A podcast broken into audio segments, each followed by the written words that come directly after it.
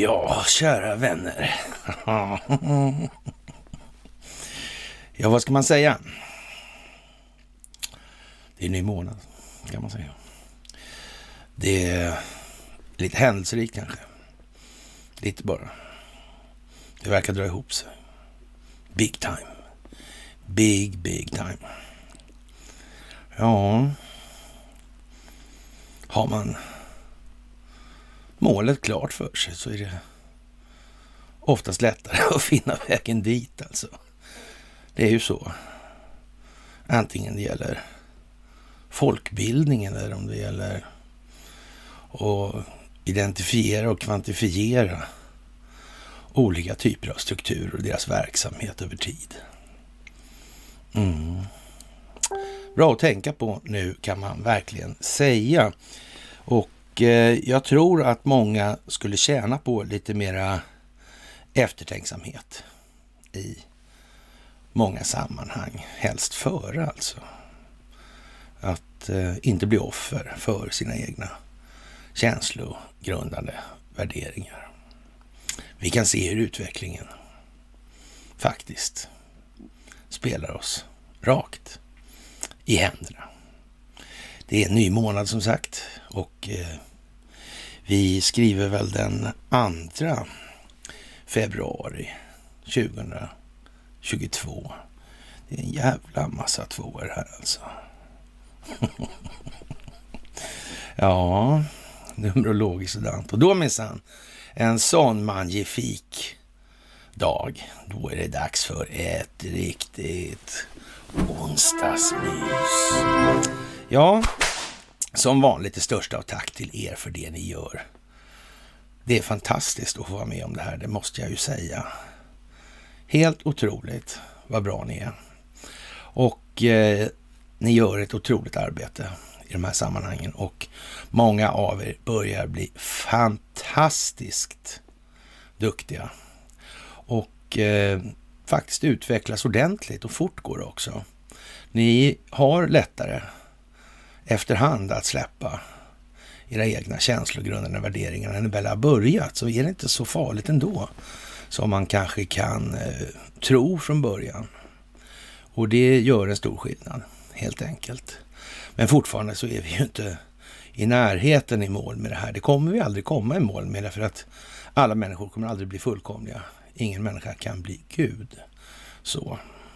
Så det är en evig strävan och det är vår lott. Det är resan som utgör livet för människan. Det här var aldrig meningen att det skulle bli. Om man ser ur naturens perspektiv i vart fall. Och eh, ja, nu blev det som det blev. Ni ska ha tack för gåvor på Swish och Patreon och ni ska ha ett stort tack för att ni fördjupar er på karlnorberg.se. Och ni ska ha ett stort tack för att ni följer med Telegramtjänsten naturligtvis. Ja, vi kan väl börja lite grann och vi brukar ju säga det att det här systemet då, eller vi kan väl utgå ifrån det svenska systemet eftersom så mycket på den här planeten idag, det utgår faktiskt också från det svenska systemet och det är den historia som har förevarit i den meningen.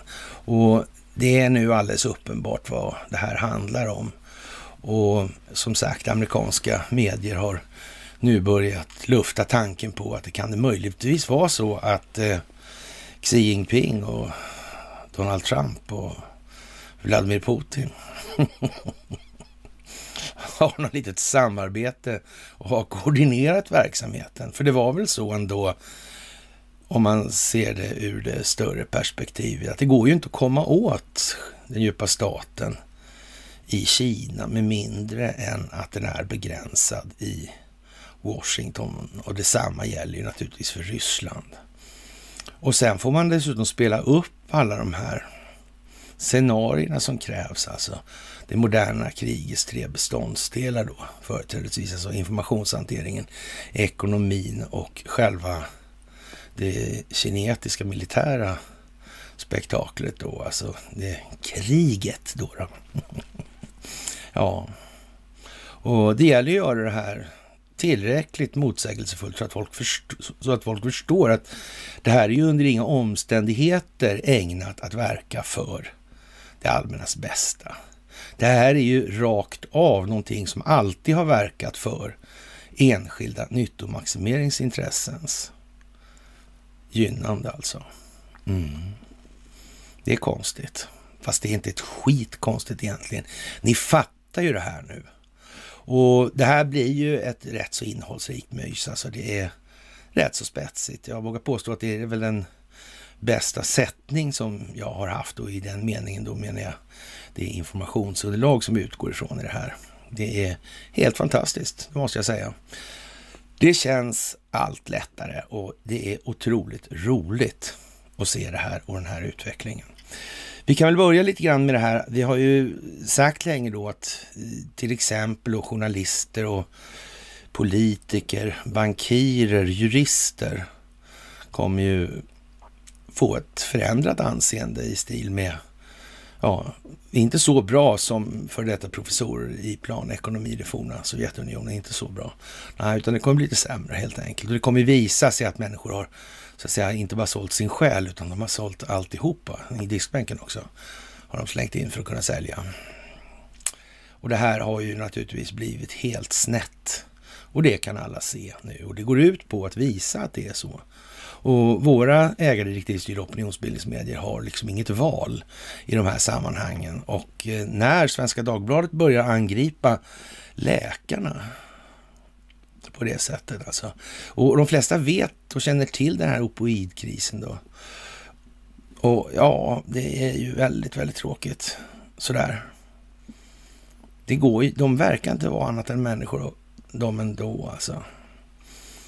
Och eh, ja, man får väl säga den aggressiva modern då i undertecknads fall har länge fräst och spottat en massa olika saker under sin yrkeskarriär. Och, Eh, inte allt, men många saker i alla fall. Men, och, och bland annat då så det här med präster alltså. Det är, och, och, det där har hon då liksom slagit klorna i. Och det är då själva fan att man aldrig kan träffa en enda jävla präst som inte har fingrarna i burkar både på det ena och det andra sättet. Alltså. Och det där är ju reta gallfeber på henne. Och jag kan väl säga att i, i den meningen, kära mamma, så vågar jag väl påstå att eh, jag har förståelse för det här när det sägs då att jag ska prata om roligt istället för den här geopolitiken som kanske verkar lite svävande och ogripbar. Det jag har vissa sympatier för. för jag, jag har under väldigt många år hört talas om de här Eh, prästerna och deras vandel och handel alltså. Och, och, jag tycker det är... Men nu visar det sig ändå att eh, kära mamma fick lite rätt här alltså. Och, och ja, minsann. Och, och det som är allting annat i de här sammanhangen. Absolut alltså, det är ju det alltså. Ja, det är mycket som strålar ut från Sverige. De, ja, det är som en liten sol i de sammanhangen som har någon liten corona sådär.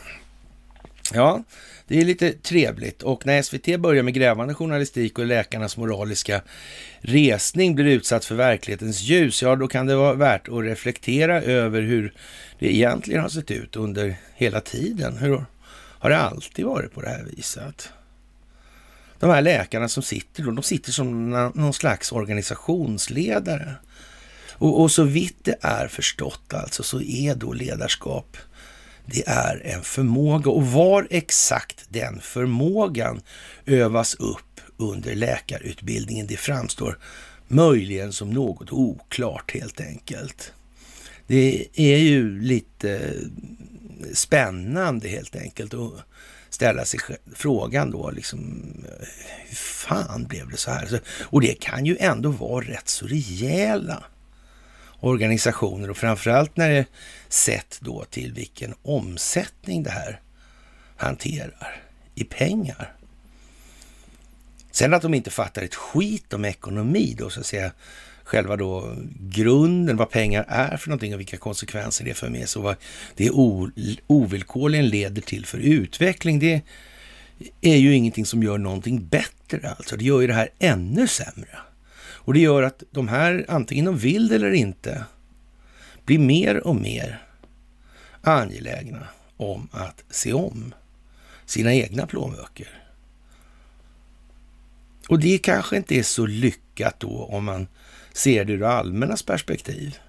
Det kanske rent ut sagt är helt jävla misslyckat. Vi kanske inte ska ha läkare med det mindsetet. Vi kanske inte ska ha militärer, poliser, folk i rättsväsendet, journalister som ska pyssla med eller ägna sig åt att upplysa befolkningen ur ett perspektiv som gynnar samhället. Utan det, det, kan nog inte vara så lämpligt att ha det här upplägget som vi har nu alltså. Det borde folk förstå.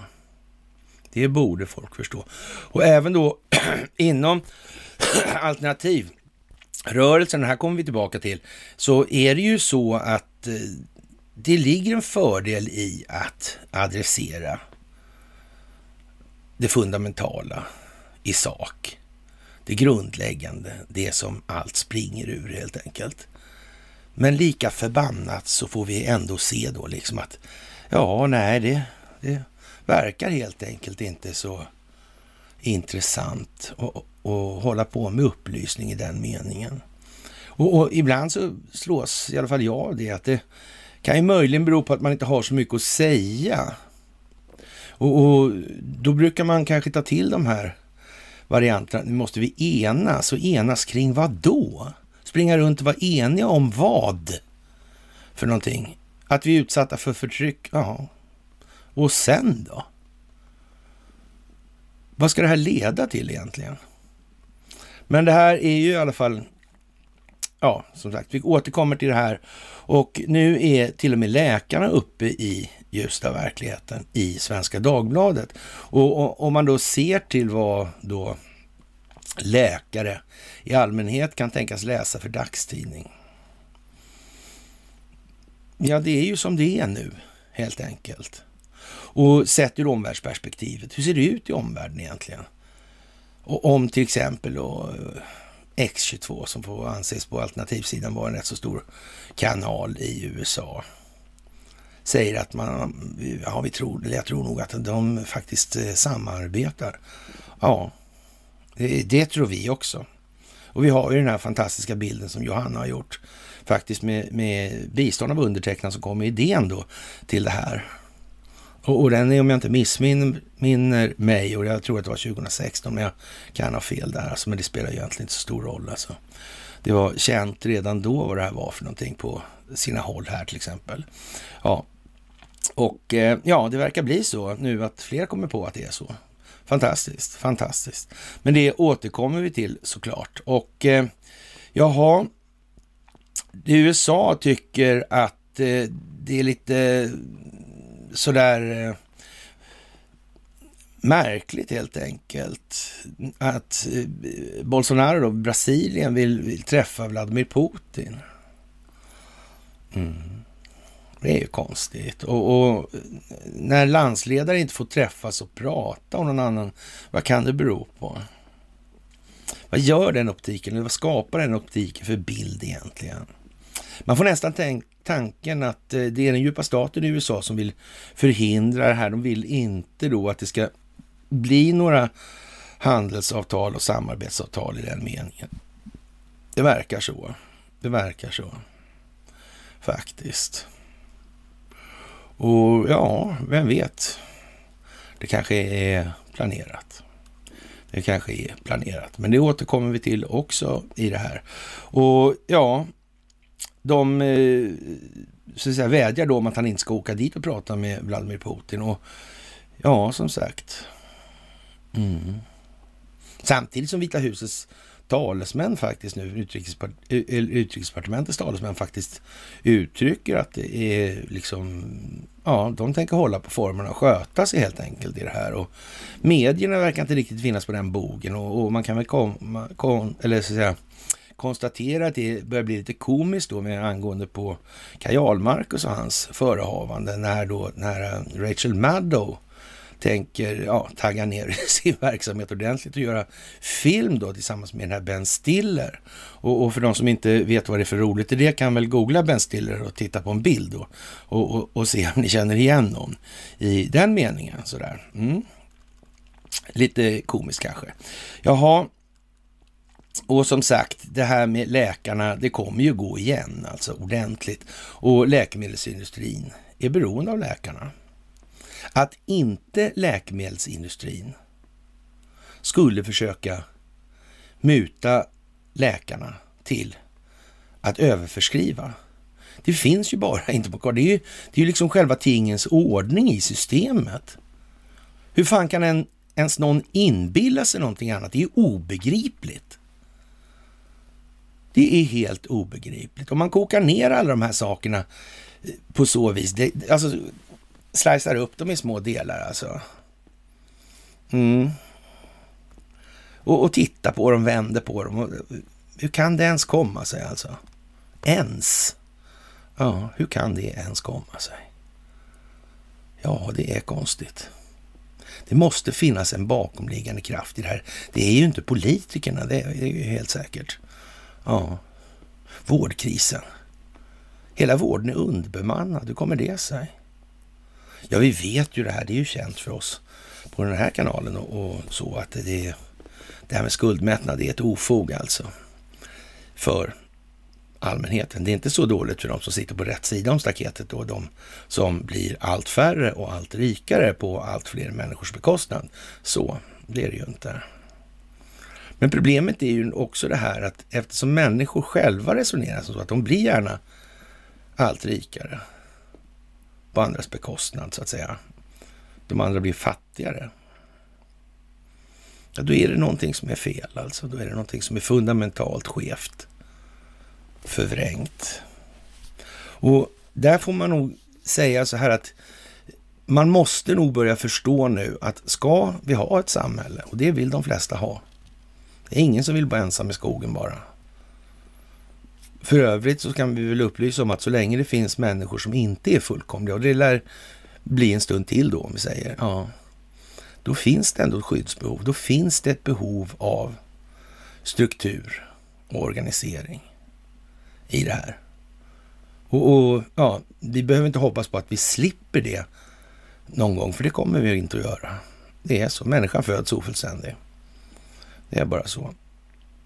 Och ju mer passiviserad och lam befolkningen blir, desto större utrymme kan sådana här individer ta. Helt enkelt. Och det bästa sättet är naturligtvis som man har gjort nu. Att smyga sig på, eller smyga det här, den utvecklingen på befolkningen. Långsamt, långsamt, långsamt. Det går inte att se. Finessen med Donald Trump när man sätter in honom i det här, i det här systemet då, det är att han vänder på det här och sen krymper han. Eller krympte han tidsförloppen hela tiden. Så det här, det blev inte grodkokning längre. Grodorna hoppade i kallt vatten och vips så var ja, vattnet mer än ljummet och började bli skållhett. Det gick liksom inte att smyga på befolkningen det här längre. Folk kan se de ekonomiska förändringarna. Den så kallade inflationen, som är prishöjningar. Det är inte någon ökad mängd betalningsmedel i den reala och produktiva delen av ekonomin. Nej, det beror på leveranskedjestörningar och en massa olika kombinationer. Ja, i princip lika många kombinationer som man har fuskat i det amerikanska valet, vilket närmast var, verkar vara, som vi sa från början, alla sätt man har kommit på helt enkelt. Och med fördel de också så behöver man inte uppgå eller komma upp i 10 000 fuskade röster så ja, då blir det ju inget avgörande helt enkelt. Men har man tillräckligt många så blir det rätt avgörande i alla fall skulle man kunna säga. Mm. Och det kommer vi tillbaka till också. Jaha, och eh, rebellangrepp får USA att skicka fartyg och stridsflyg till Förenade Arabemiraten och det börjar bli lite rörigt där, alltså de här bastionerna för den djupa staten. Det börjar stöka till sig där helt enkelt. Mm. Det stökar givetvis till sig på andra håll också då. Det gäller ju nu för den djupa staten att ställa till lite baluns, alltså lite galej. ja, plocka fram lite känslostyrning så att folk ber om en lösning på de här hemska problemen. Här har vi extra hemska problem i det här landet. Ja, det sitter ett, en skock smällfeta skogsmongon och, och, och, drömmer om att vara ensamma i skogen med alla pengarna. Det är lite som de här stortrollen i John Bauers sagor. Jag vet inte vad han menade, karln liksom. Men i alla fall, det är värt att läsa. Det är värt att läsa. Väl värt att läsa, skulle jag säga. Väl värt att läsa. Kom ihåg det. De här sagorna är ofta skriven med en finess. Ett språkbruk, en baktanke, en kontextuell innebörd som frammanar eftertanke. Det är bra grej alltså. Det är en mycket bra grej. Ord är viktiga. Ord påverkar tankar. Det är bara så. Tänk på det. Ja, lite trevligt faktiskt. Och eh, jaha, en ny rapport från amerikanska federala polismyndigheten FBI varnar för cyberattacker och dataintrång i samband med OS i Kina. Och eh, Ericsson funkar bra för både USA och FBI och OS i Kina. Vem kontrollerar telekominfrastrukturen och vem får, betal, vem får betalningar för licensavgifterna eh, egentligen? I 184 länder. Det är fantastiskt alltså. Vilken cirkus. Det där har de fått till. Ja. Men att alla skulle vara omedvetna om vilka det är? Nej, det vet inte jag. Om jag tror på. Verkar det riktigt bra? Nej. Det här är jordens genom tiderna största folkbildningsprojekt. Det är många saker som många måste lära sig. Många saker som många måste förstå. Många saker som många måste ta till sig. Det är många känslogrundande värderingar som måste revideras. Självbildsrevisionens tid är här nu. Ja, det är lite läskigt tycker man då i Omni med det här. Läskigt, läskigt, ja, det tror fan det liksom. Och, och det kan man väl säga så här, Omni eh, förefaller ju närmast vara startad för att bedriva den verksamhet de bedriver, att så att säga inte tala om hur det är, men ändå lämna ganska mycket utrymme för att människor ska tänka till i den meningen hela tiden. Mm. Det är lite bra att tänka på också. Fantastiskt. Saab, deras aktier går naturligtvis upp när Brasilien då eh, förnyar sitt intresse i mer Gripenflyg alltså. Och en gripande affär att följa lukten från brödsmulorna till gynnaren då. då. Mm. Den gynnande parten, gynnade parten där. Vad är det för någon då? Ja, det är de igen alltså. Det är de där Saab liksom. Mm.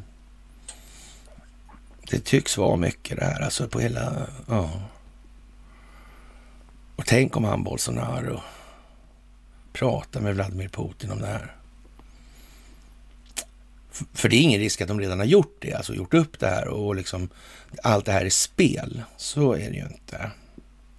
Man. Och de har ju by the way också en egen fabrik också där. Mm. Minst en alltså. Mm. Vem vet, det kanske är planerat. Det kanske ligger en strategi i grunden som även innefattar opinionsbildningen. Det tar tid. Det tar tid. På olika håll tar det olika tid. Det är också bra att tänka på nu i det här. Och ha Bonnesonja. Ja, kommer vi in då på att den första vice ordförande för Ukrainas centralbank alltså, hon använder positionen för att eh, tvätta pengar. Nja, det var väl förargligt alltså. Ja. Och som sagt, man får väga ihop det här med omgivningen hela tiden för att se det här mönstret breda ut sig och se att det sitter ju faktiskt ihop i gemensamma nåder. Det är ju märkligt. Och så i de här utvecklingssträckningarna då så händer det olika saker. Och så blir det nya nåder med fortfarande samma intressenter. Nådpunkter alltså. Mm. Det är ju lite udda kanske, men eh, det är inte planerat och ingen känner varandra. Nej, så är det ju. X22 har i alla fall kommit på det här med att Trump, Xi och Putin samarbetar, men eh, vi har ju en till lirare på den här bilden. Just det, Recep Tayyip Erdogan, ja. Varför spelar han för roll då? Varför är inte han med i det här resonemanget redan? Naturligtvis av den anledningen att det inte är tiden är inte mogen riktigt för det än. Och vad har vi sagt hela tiden ska komma att bli utvecklingen och vad ska hända med NATO?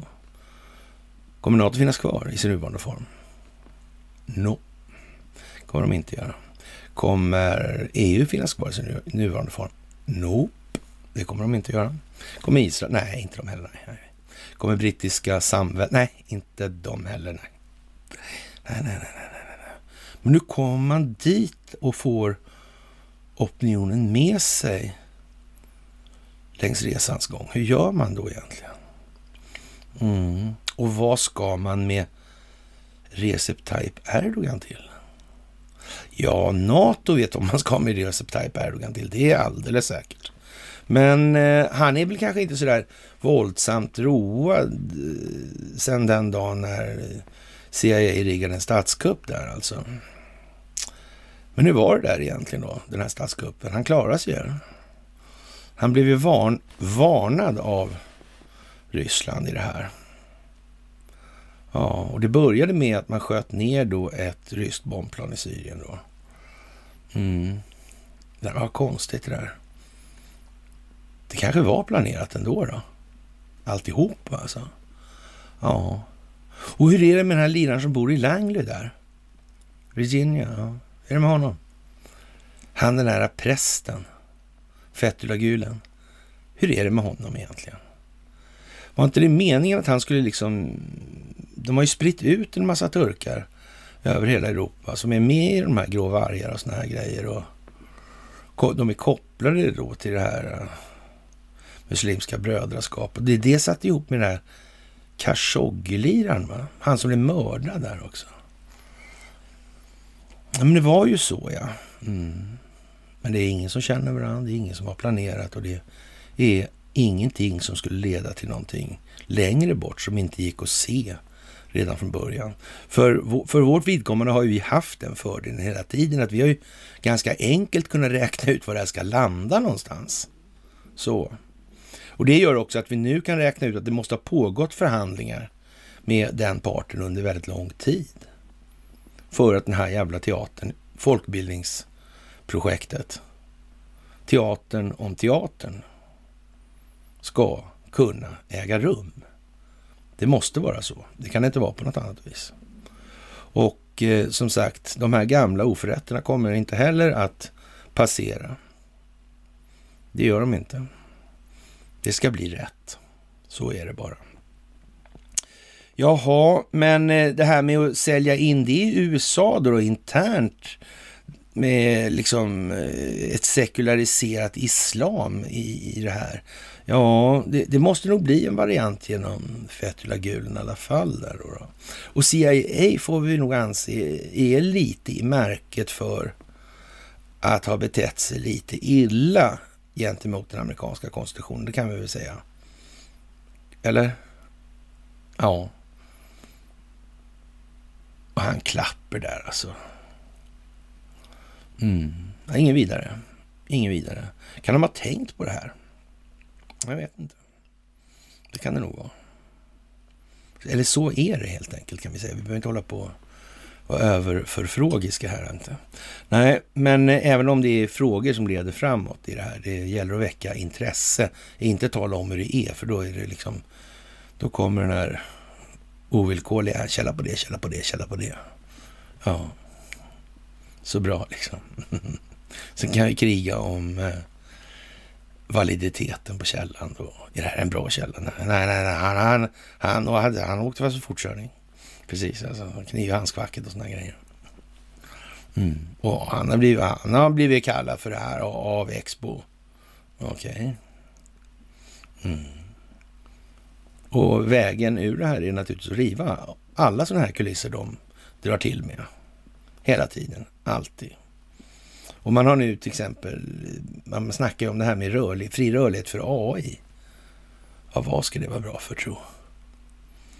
I den här digitaliserade världen. Ja, vad sägs om ett samfund av internationellt mått som faktiskt har kontroll i det här? Att inte de här enskilda vinstmaximeringsintressena tillåts att få globalt fäste och på så sätt exploatera olika länders befolkningar. Kan det vara en lösning? Skulle det kunna vara det? Är det någon som har många andra lösningar som de sitter inne med och inte vill tala om? Ja, återgång till stenåldern är ju inte riktigt aktuellt. Alltså pengar måste vi ha.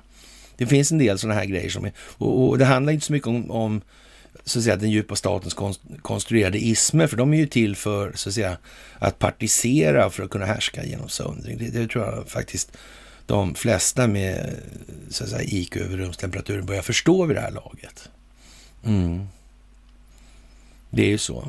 Men det är viljan det kommer an på också. Det är viljan, det är viljan, det är viljan. Mm. Och, och, för att då så återkoppla till kära mamma så kan man ju säga så här att det, det finns ju en eh, snudd på en viss briljans då ur en rad olika perspektiv medan man blir närmast mörkrädd när så att säga käften löper framför tanken i, i, i en del andra sammanhang alltså. Då, då är det ju liksom som det är. Och, och, vi har ju alla det problemet till och från alltså. Det här med familjen, nära vänner eller före detta nära vänner som tenderar att bli rätt många när man börjar i den här branschen då. då. Och, och, det är lite, det är ju ett eldfängt liv helt enkelt alltså. Och, men för de som är hyfsat nya i det här kan jag meddela att det är bra mycket lättare nu. Det var en riktigt jävla stenig åker att försöka plöja i början det här. Det får man säga, verkligen.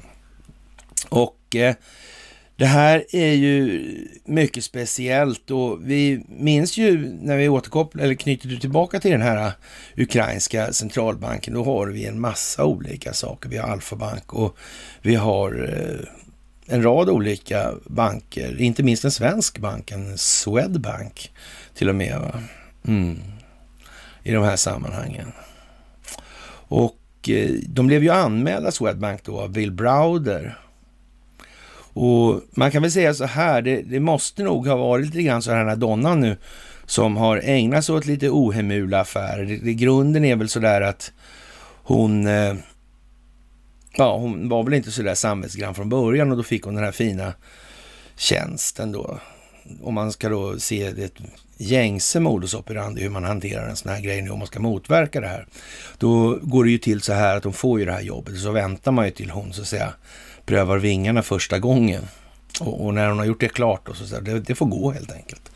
Ja, och eh, då kontaktar man vederbörande och säger så här, du, vi håller på med en liten teateruppsättning här. Vi tänkte du skulle ha en visserligen tillbakadragen roll initialt, men på slutet kommer du att synas liksom. Och, men mot att du så att säga ställer upp på det så är det möjligt faktiskt att amerikanska justitiedepartementet och eh, amerikanska utrikesdepartementet, amerikanska underrättelsetjänsterna, de rensade delarna faktiskt kan ha ett visst överseende med det här då, då förutsatt att du uppfyller de här kraven då. Mm, något som till exempel Ericsson inte lyckades göra då. Men det var ju beräknat och överenskommet redan innan att de inte skulle göra det och att de för alltid skulle stanna i det hängnet, i alla fall utåt sett. Ja, och eller inåt sett menar jag. Mm. Och eh, han måste ju, Bill Browder blev ju den som anmälde Swedbank för den här penningtvätten. Och Bill Browder med den här Hermitage Foundation då, det är ju en riktig skojare. Och det här med Magnitska akt, och det var ju hans revisor, inte någon jävla advokat. Va? Och, och ja, det handlar om ekonomisk brottslighet, man plundrade i den här oligarksvängen som blev då efter murens fall då. Och Browder är en riktig bandit då. Och lyckades få med sig sina vänner då som tyckte det var bra med de oligarkerna som plundrade forna Sovjetunionen då på de här små äventyrligheterna då. Och det ser väl mest ut som att Browder blev känslostyrd då när han fattade vad som skulle komma. För han måste ju någonstans ha sett då att den här donnan blev, där, blev chef för tillsynen på den ukrainska centralbanken. Han måste ju liksom ha anat det där och, och visste ju också, såg ju också vilka affärer som gjordes. Och han visste liksom att det var saker i görningen. Mm, att det fanns krafter. Och ja, det läcker ju naturligtvis. Som alltid. Mm. Och det måste väl ha varit så här som det ser ut att Bill Browder han, eh, ja, han anmälde Swedbank och, och, han måste ju ha begripit att många skulle undra hur i helvete den här anmälan kom sig alltså. Och, och så, så. Mm. Så vips så blev man erbjuden ett litet eh, samarbete. Precis som hon blev i det här alltså. Mm. Så är det mycket troligt att det ser ut i den ändan. Och det kan ju vara spännande, för när centralbanken är, som ska vara tillsynsmyndighet i det här landet och ägnar sig åt den här typen av verksamhet, penningtvätt, då är ju liksom den övre gränsen, den är ju vad den är.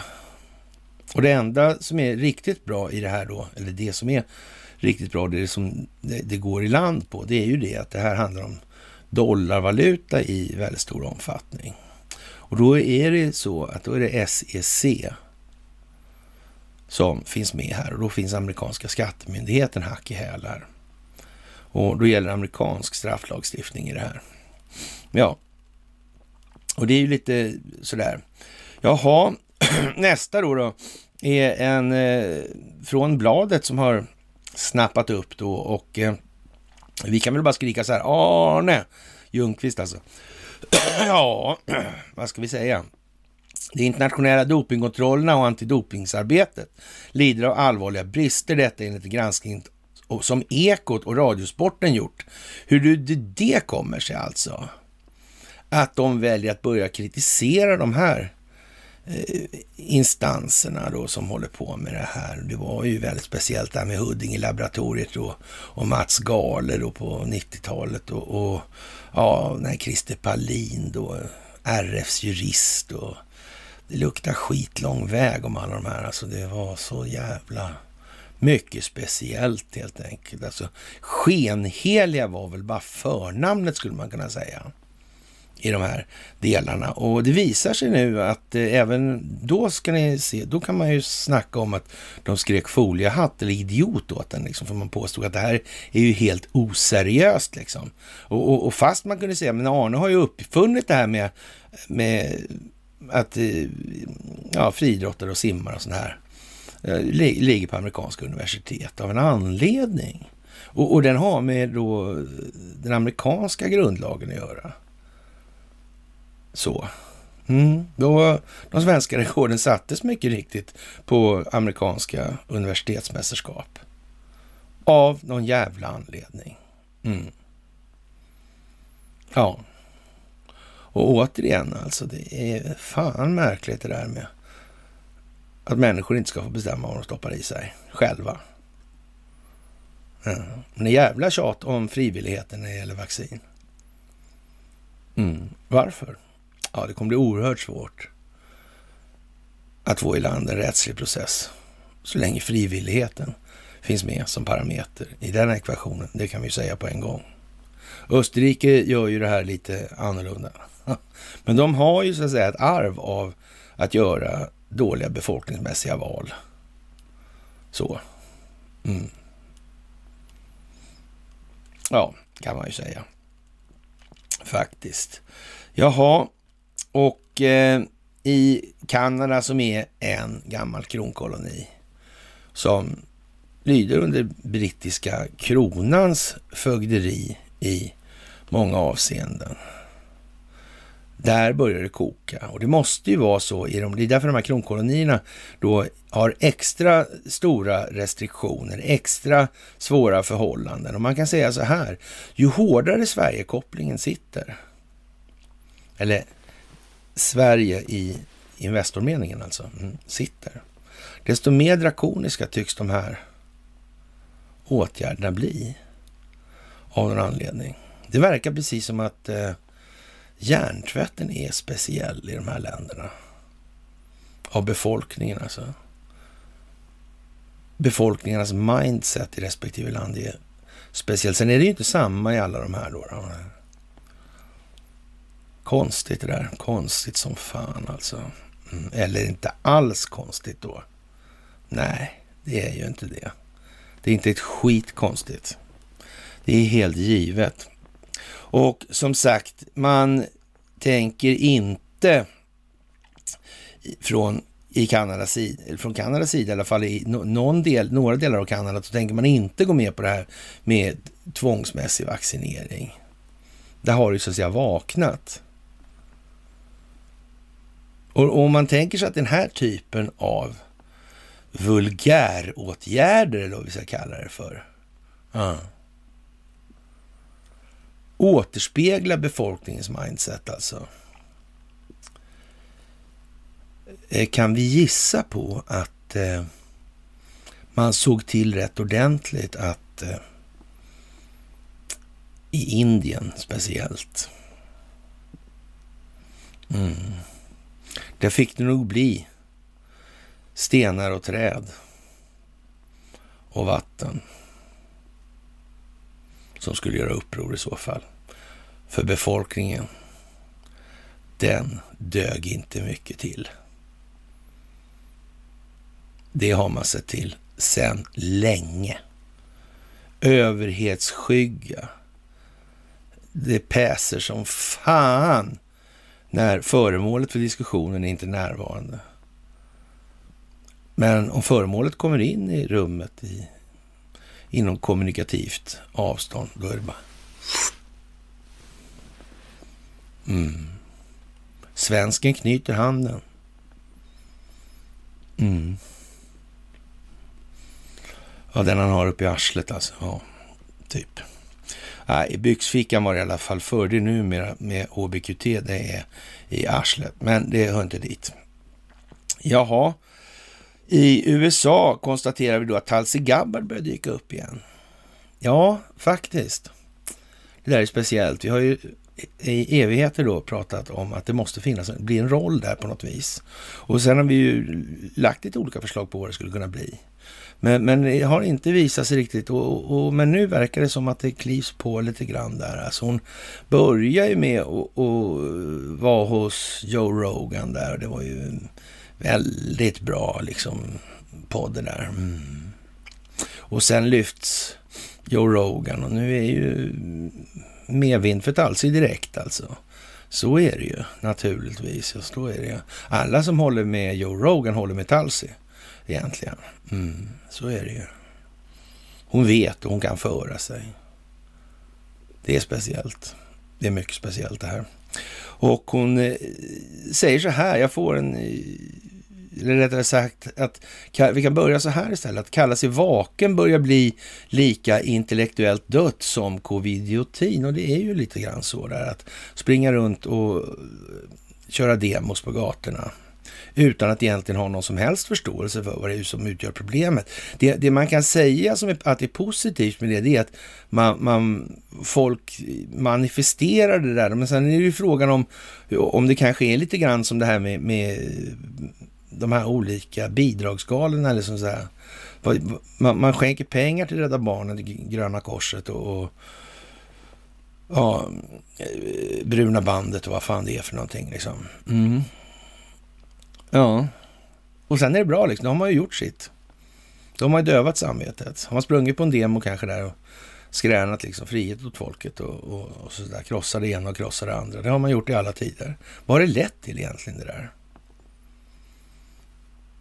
Det har inte lett till så jävla mycket kanske. Nej. Och, och vi har ju väl återkommande anfört i något enstaka tillfälle då, idag till exempel eller något annat tillfälle, alla tillfällen, så har vi anfört då lite grann att hur, när kan, på vilka grunder kan samhället förändras egentligen, en bestående förändring? Så. Ja, det är genom att individen förändras som utgör samhället, individerna tillsammans som utgör samhället. Det är deras samhällelighet då som förändras när individerna förändras. Mm. Och förhoppningsvis i rätt riktning, för det är ju den riktningen som förändringen kommer som har vidtagits då i det här. Och det är ju lite eh, värt att notera nu. Och att springa runt där och ja, med hög röst och, och skrika och ha sig, det, det, är ju inte liksom särskilt utvecklande egentligen. Men visst, det är ett anslag alltså, men det är inte så mycket mer än ett anslag heller alltså. Men vi återkommer till det där. Och eh, ja, att med tålamod föra argument i sak kommer alltid verkar för ledning till vidare ledning. Ja, precis. Och det är också så, att det handlar ju om någonstans att väcka intresset. Alltså, och intresset i sig är ju så att det kommer, handlar om att väcka frågor som folk vill ha svar på. Det handlar inte om att ge dem de här svaren. Det handlar om att väcka fler frågor som de också vill ha svar på. Till att de själva börjar ta reda på hur saker och ting förhåller sig i förhållande till verkligheten. Det är vägen framåt i det här.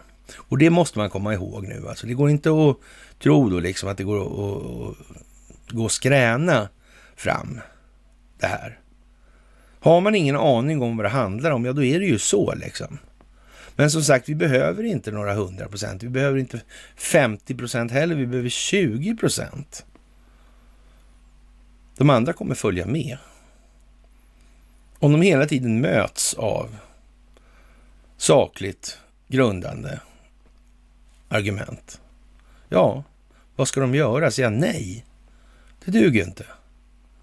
Jag tror att jorden är eh, marshmallow, en marshmallow. Eller vad fan ska de säga? Det går inte, det duger alltså inte. Jaha, Talsi Gabbard säger så här, hon får en känsla av att några människor använder Joe covid-intervju som en pretext för att tysta hans röst då, ja, därför att han är in, ingen sån här vaken typ då på det viset. Mm. Vaken eller tredje gradens vaken kanske, eller dimensionsvaken eller ja, ja. Och de här budbärarna för den här vakenheten då försöker då naturligtvis att tysta röster då som inte håller med deras röster. Mm. Och då blir det smutskastningsargument alltså. Och, och, det kan ju till och med vara så att de här vaknar, ja men han har ju varit liksom i Expo. Ja. ja. Och han har gjort det och så vidare så här. Mm. Så kan det vara. Och vem vet, det kanske är riggat faktiskt. För att de ska göra så. Till och med. Vi vet ju inte det. Jaha, och eh, ja, och varför gör de så här? Det är ju därför att de har ju ingenting att säga, som vi sa här för en stund sedan. De har ju ingenting att komma med egentligen, utan det är ju till och med lite skämsigt skulle jag säga, så lite tråkigt tycker jag faktiskt att det är, när man börjar liksom sitta och diskutera olika tekniska detaljer kring den här typen av verksamhet. Alltså sitta och hålla på med, göra sådana här sändningar eller poddar eller sådär. Det är ju liksom, eh, när det är överordnat sakinnehållet och sakinnehållet aldrig berörs i den meningen till sin grund. Ja, jag vet inte vad jag ska säga om det faktiskt på det viset. Jag tycker det är beklagligt alltså. Så. Och jag uppmanar verkligen alla som, som driver det så att säga, temat att faktiskt tänka om lite här nu. Alltså. Det där gynnar ingen. Nej, det är inte det. Mängden människor som sitter och, och tycker att nu kommer det fler dimensioner och hej och här. Mm. Det, det, är nog inte riktigt det alltså. Det vore ju jävla surt om det inte kom några dimensioner då i så fall, får man säga. Jag tror vi koncentrerar oss på det vi faktiskt ser framför oss och kan titta på. Och lägger ihop det. Vi korstabulerar lite. Bildar mönster. Det är lite bra, kanske. Ja, hur förhåller det sig här till varandra? Och eh, ja, när det kommer till eh, till skolväsendet och utbildningen. Det är en stor och tung faktor när det gäller den här formateringsbiten då av människor i allmänhet globalt och i Sverige i synnerhet naturligtvis då, den svenska skolan alltså. Och vi har väl, eh, så att säga, ja, vad ska vi säga egentligen då? Vi har ju eh, tagit upp det här någon gång kanske. Eh, och en skola för alla, eller hur var det nu egentligen? Men käpphästarna kommer alltså på löpande band nu. Och lite som en milstolpe ändå, för det här är en av våra allra äldsta då. Och eh, ja, man får ju lite känsla av att det håller ju på att vända då i det här. Det, det, är uppenbart alltså. Och det är tung kritik som kommer då på SVT och skolan driver fram ADHD-diagnoser. Mm. Ja, tänka sig, de gör det. Ja. Det, det verkar, och hur kommer det sig att de gör det då?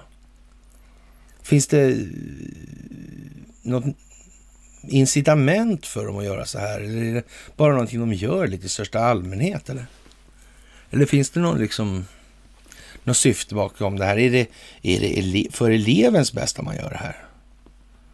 Det må vara så att det finns människor som faktiskt tror det. Absolut, det tror jag det finns. Men, men eh, i, till syvende och sist i bakändan på det här så finns det någonting annat. Det får man också ha klart för sig. Det finns vinstmaximeringsintressen bakom det här. Och man säger så samhällets nyttomaximeringsintresse eller vinstmaximeringsintresse, det är ju en allt mer medvetet medveten befolkning. Det kan man hålla med om.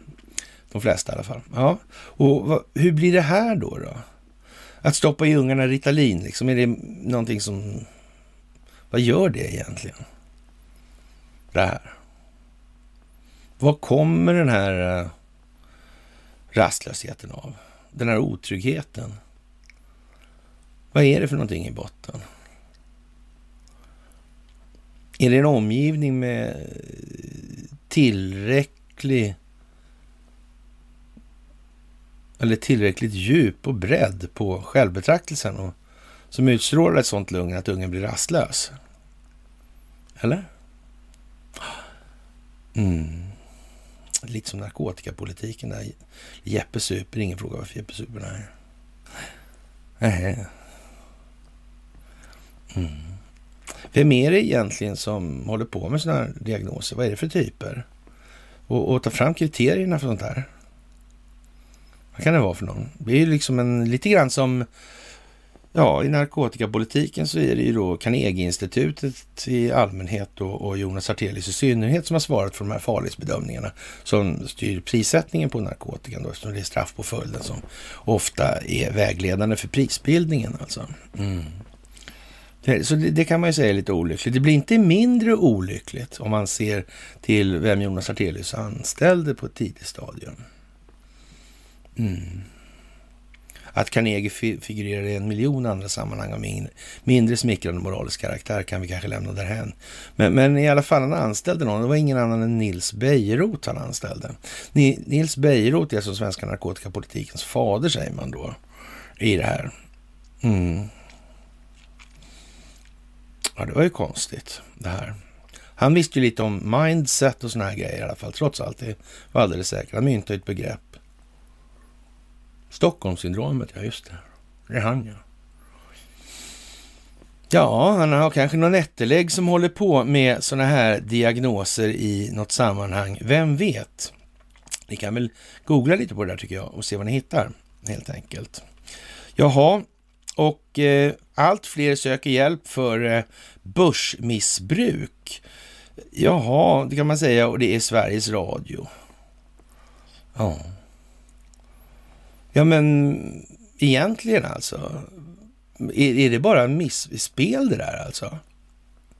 Det är någon form av fiktiva värden, ungefär som att spela på kasino egentligen. Alltså det produceras ju inte, ja, varken mer eller mindre på det ena eller andra stället. Och komma här och snacka om substansvärden, P-tal och såna här grejer. Det är ju liksom inte läge om man säger som så längre. Det var, ja, det var på...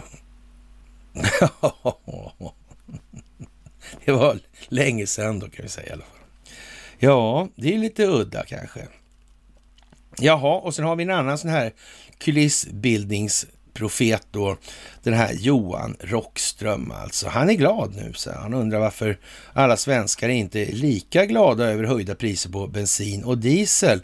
Och ja, det kan man ju verkligen undra faktiskt. Och han är mycket förvånad över det politiska motståndet i Sverige mot höjda bränslepriser och eh, Här har vi ett riksdagsbeslut alltså om att vi ska minska bensin och diesel med 70 procent på åtta år.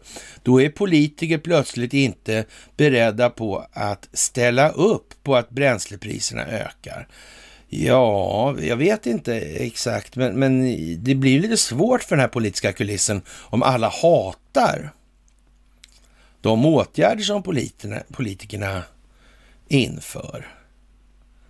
Det, det, blir ju konstigt. Men, men, vi kan ju liksom inte se några sådana här storartade aktioner från någon politisk part i horhuset alltså. Det kan vi inte se, nej. Det tror jag inte vi ska sträcka oss till. Så det där är ju lite lattjo alltså. Hur, hur fan är det här egentligen? Vi, varför ingen politiker, stä, politiker ställer sig upp och skriker vi ska höja det här så in i helvete så ingen jävel köper någonting längre någonstans. Ja, lite självbevarelsedrift kanske, eller lite för hög plånboksstyrning kanske, vem vet. Ja, ja, om det nu var som Rockström säger, vilket vi då kanske ska ta med 16 gruvor, gruvor salt då. Och eh, det är självklart att de måste öka i alla fall. De måste öka ännu mer de här priserna så för att vi verkligen ska få marknaden att svara.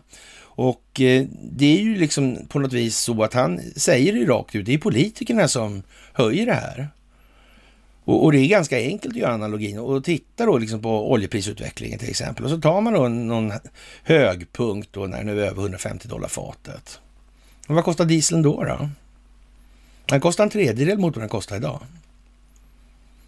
Typ alltså. Hur, hur kommer det här sig egentligen? Vad är det där för någonting? Man kan ju försvara det med att säga så här att i takt med att realekonomin realekonomin krymper så minskar ju skatteunderlaget helt klart. Mm, och någonstans måste pengarna tas in för att det här inte ska gå på näsan direkt. Så är det också. Men det här måste spelas ut i en viss ordning och Rockström, han får finna sig i att stå här nu och säga som han gör. En riktig jävla spefågel blev det av honom helt enkelt.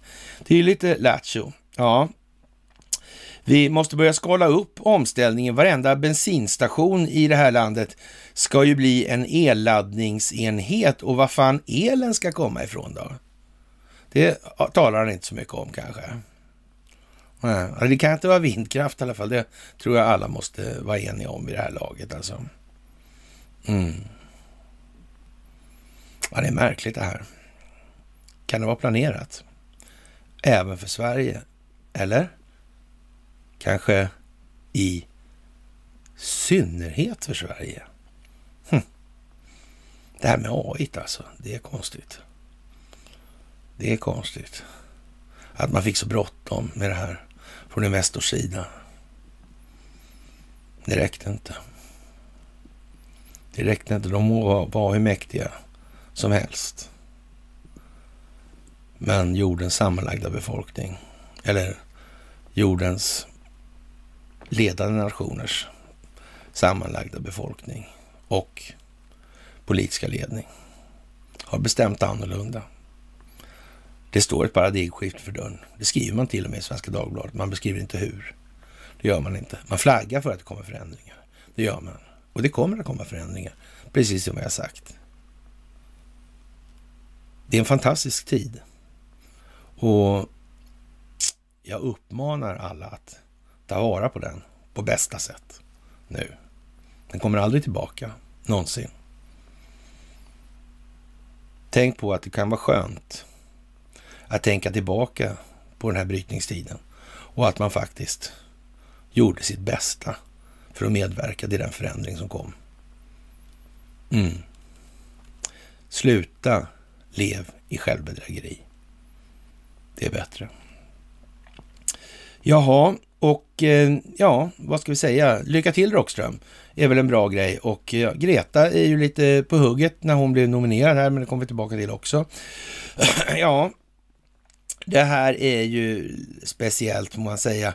Och det här med frihetsrörelsen den växte och samlade rekordmånga till demonstration mot covidpass. Två veckor senare när rörelsen växer som mest tar man beslutet att lägga ner då man säger att det här håller på att bli infiltrerat då och eh, och det här efter man har bett om pengar från godtrogna medborgare för att betala för viten som inte existerar ännu alltså, eller har uppstått och inte ens kanske säkert kommer att existera. Det är ju lite speciellt kanske. Och, och, så jävla mycket upplysning tror jag inte det bedrevs i den där sammanhanget. Däremot så eh, framgick det väl med ganska så stor tydlighet att det var liksom, ja, det var en del partybåtar och det var liksom en jävla massa diskussioner och debatter om vad egentligen för verksamhet som bedrevs alltså. Det, det, kan man ju säga. Det är ju lite eljest sådär. Mm. Men, men som sagt, det, det, är helt upp till människor vad de gör själva. Det, är, det får de stå för helt enkelt. Men det, det, man kan säga att om man ska utge sig för att vara någonting annat än sån här låtsasvaken, då bör man ju också försöka adressera fundamenta i sak. Det är ju viktigt, det är ju det människor måste förstå. Och det är när det gått så långt som det har gjort nu att man skickar upp Cervenka och det här gänget i tv och han får sitta och säga det viktiga är att människor förstår vad pengar är för någonting och hur de skapas. Och så glömmer han då liksom det här med och vilka effekter det för med sig. Och, och det, det må ju vara så, för det kan räcka så så länge. Jag ska inte sitta och liksom mässa för att man måste dra det här med skuldsättningar eller skuldmättnad nu direkt. Alltså det, det får man ju ta efterhand då. Men, men, men, redan där att de faktiskt skapar pengarna ur ingenting, ex nihilo alltså. Och så vidare. Och där får Cecilia Skingsley sitta och försvara sig också. Men jag kommer tillbaka till den där också. Ja, det är lite udda faktiskt. Jaha, och i Fulton County i USA, vi hoppar lite där för det är ändå samma sak. Så vi har ju sagt det att det kommer ju bli någonting gällande Joe Bidens förehavanden och, och det sannolika ser väl ut att vara att det blir någon form av det här 25 tillägget tror jag det är, då, som har med hans mentala tillstånd att göra. Det, det är som en, ja, det går inte att kritisera då på det sättet alltså. Och, och sen, men då måste man ju ha någon uppsättning där och, och det är som jag sagt, det är ju trevligt om det inte behöver gå till någon form av militär verksamhet alltså. För det kommer ju bli naturligtvis en frånstötningseffekt på det och det kommer gapa som militärkupp. Alltså det är ingenting som gynnar någon i de här sammanhangen nu. Och, och det kanske är rent av mer lämpligt att då ja, så att säga, den, hans administration, eller vad man ska kalla det för residentadministrationen, ska fortsätta ett tag till för man ska liksom, ja, spela ut alla de här sekvenserna för att få rätt opinionsbildningsmässiga effekter globalt. Det kan ju vara så. Man måste kanske spela upp det här kortet med kinesisk militär verksamhet till sin ja, yttersta potens. För att människor ska förstå den faktiska och verkliga innebörden av atomvapnet. Mm. Vilket i sin tur med närmast kuslig säkerhet ser ut att leda till att synen på kärnkraft kommer att förändras dramatiskt. Kan det vara tänkt så? Man vet ju inte. Och då är ju energifrågan inte lika aktuell. Nej. Och bilavgaserna är ju trots allt ingen jättebov i miljösammanhang. Faktiskt. Mm. Ja, man får väl tänka efter lite där. Efterhand. Jaha, och eh, biskopen i Visby sparkas. Det är en väderleksrapport som heter duga för Sverige. Det handlar om klimatet. Mm. Det mentala klimatet i landet. Kyrkans roll Eh, jag har inte pratat med mödernet sedan dess, men jag är helt säker på att hon flinar glatt Ja. Och, och ja, han är alltså vänsterknäckt rätt ordentligt den här. Och att vi får veta det så att säga, det beror väl förmodligen på att det finns annat som vi inte får veta. Så kan vi kanske säga.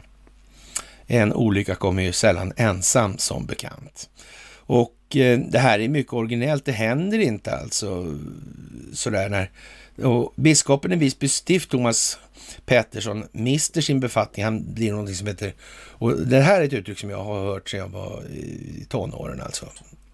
Då brukar det låta så här, den jäveln måste avkragas.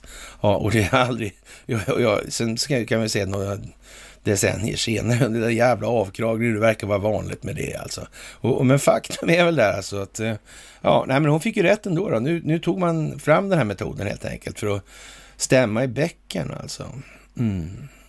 Och kyrkan är en mycket märklig faktor i egendomsfördelningshänseende i det här landet. Det ska man också ha klart för sig nu. Det är mycket speciellt helt enkelt. Mm. Ja, vatten är ett farligt gift som omger Visby stift. Det var Hansan det där va? Så var det vikingar och sådana här grejer. Ja. Så var det en annan grej också förresten. Skut alltså. Mm, Svenska kyrkan i utlandet. Mm, den där jävla organisationen ja. Mm. De där verksamheterna, är, är de egentligen... De är granskade hårt eller? För Visby stift är ju faktiskt... Eh, om vi säger som så här, den har hand om SKUT, alltså Svenska kyrkan i utlandet. Det, det, Skut ligger under Visby stift. Det är konstigt. Vattnet var gift, ja. ja. Konstigt det där. Mm. Men, men så mycket måste man väl ändå konstatera att i Visby stift med ansvar för Svenska kyrkan utomlands. Är det jättesmart då att ha en biskop som vänsterknäcker flagrant under lång tid. Man skulle nästan kunna säga att känns inte det lite som en förutsättning för att man ska kunna hålla på i skut utomlands? Så fanstyget håller sig på mattan. Eller?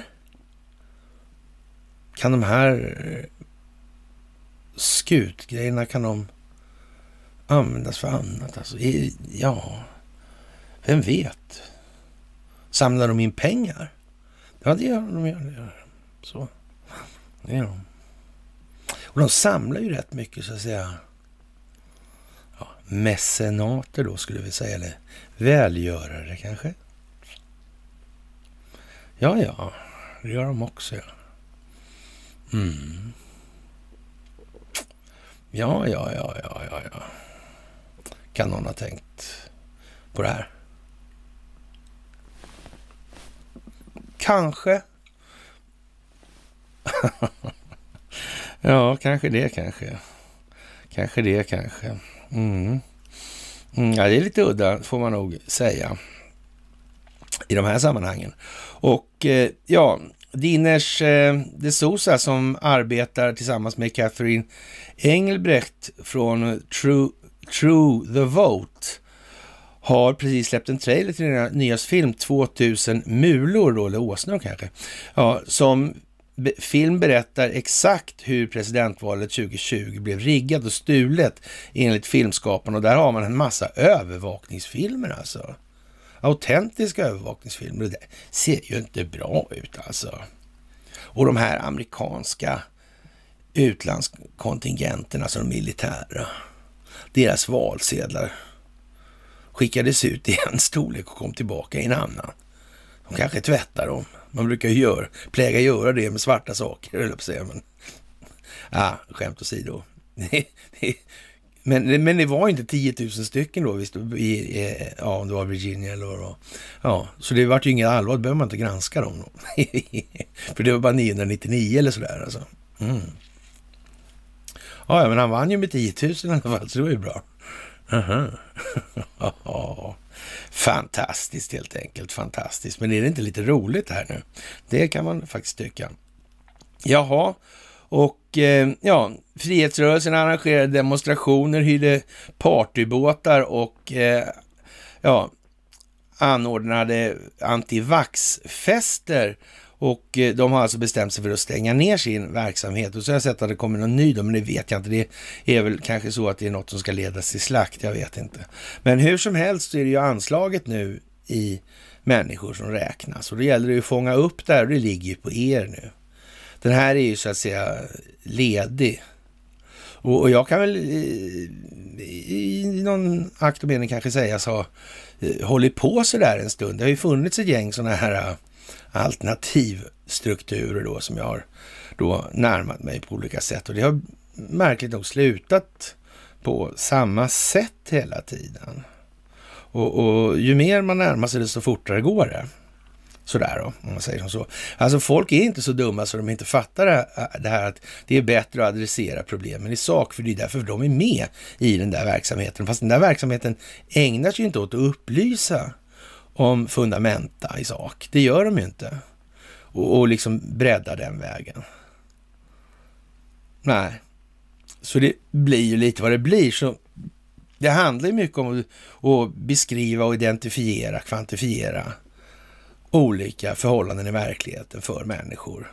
Så de ser och förstår, så att de får en bild, skapa optik. Så att de själva kan sätta ord på situationen som sådan. Så att bilden blir självklar.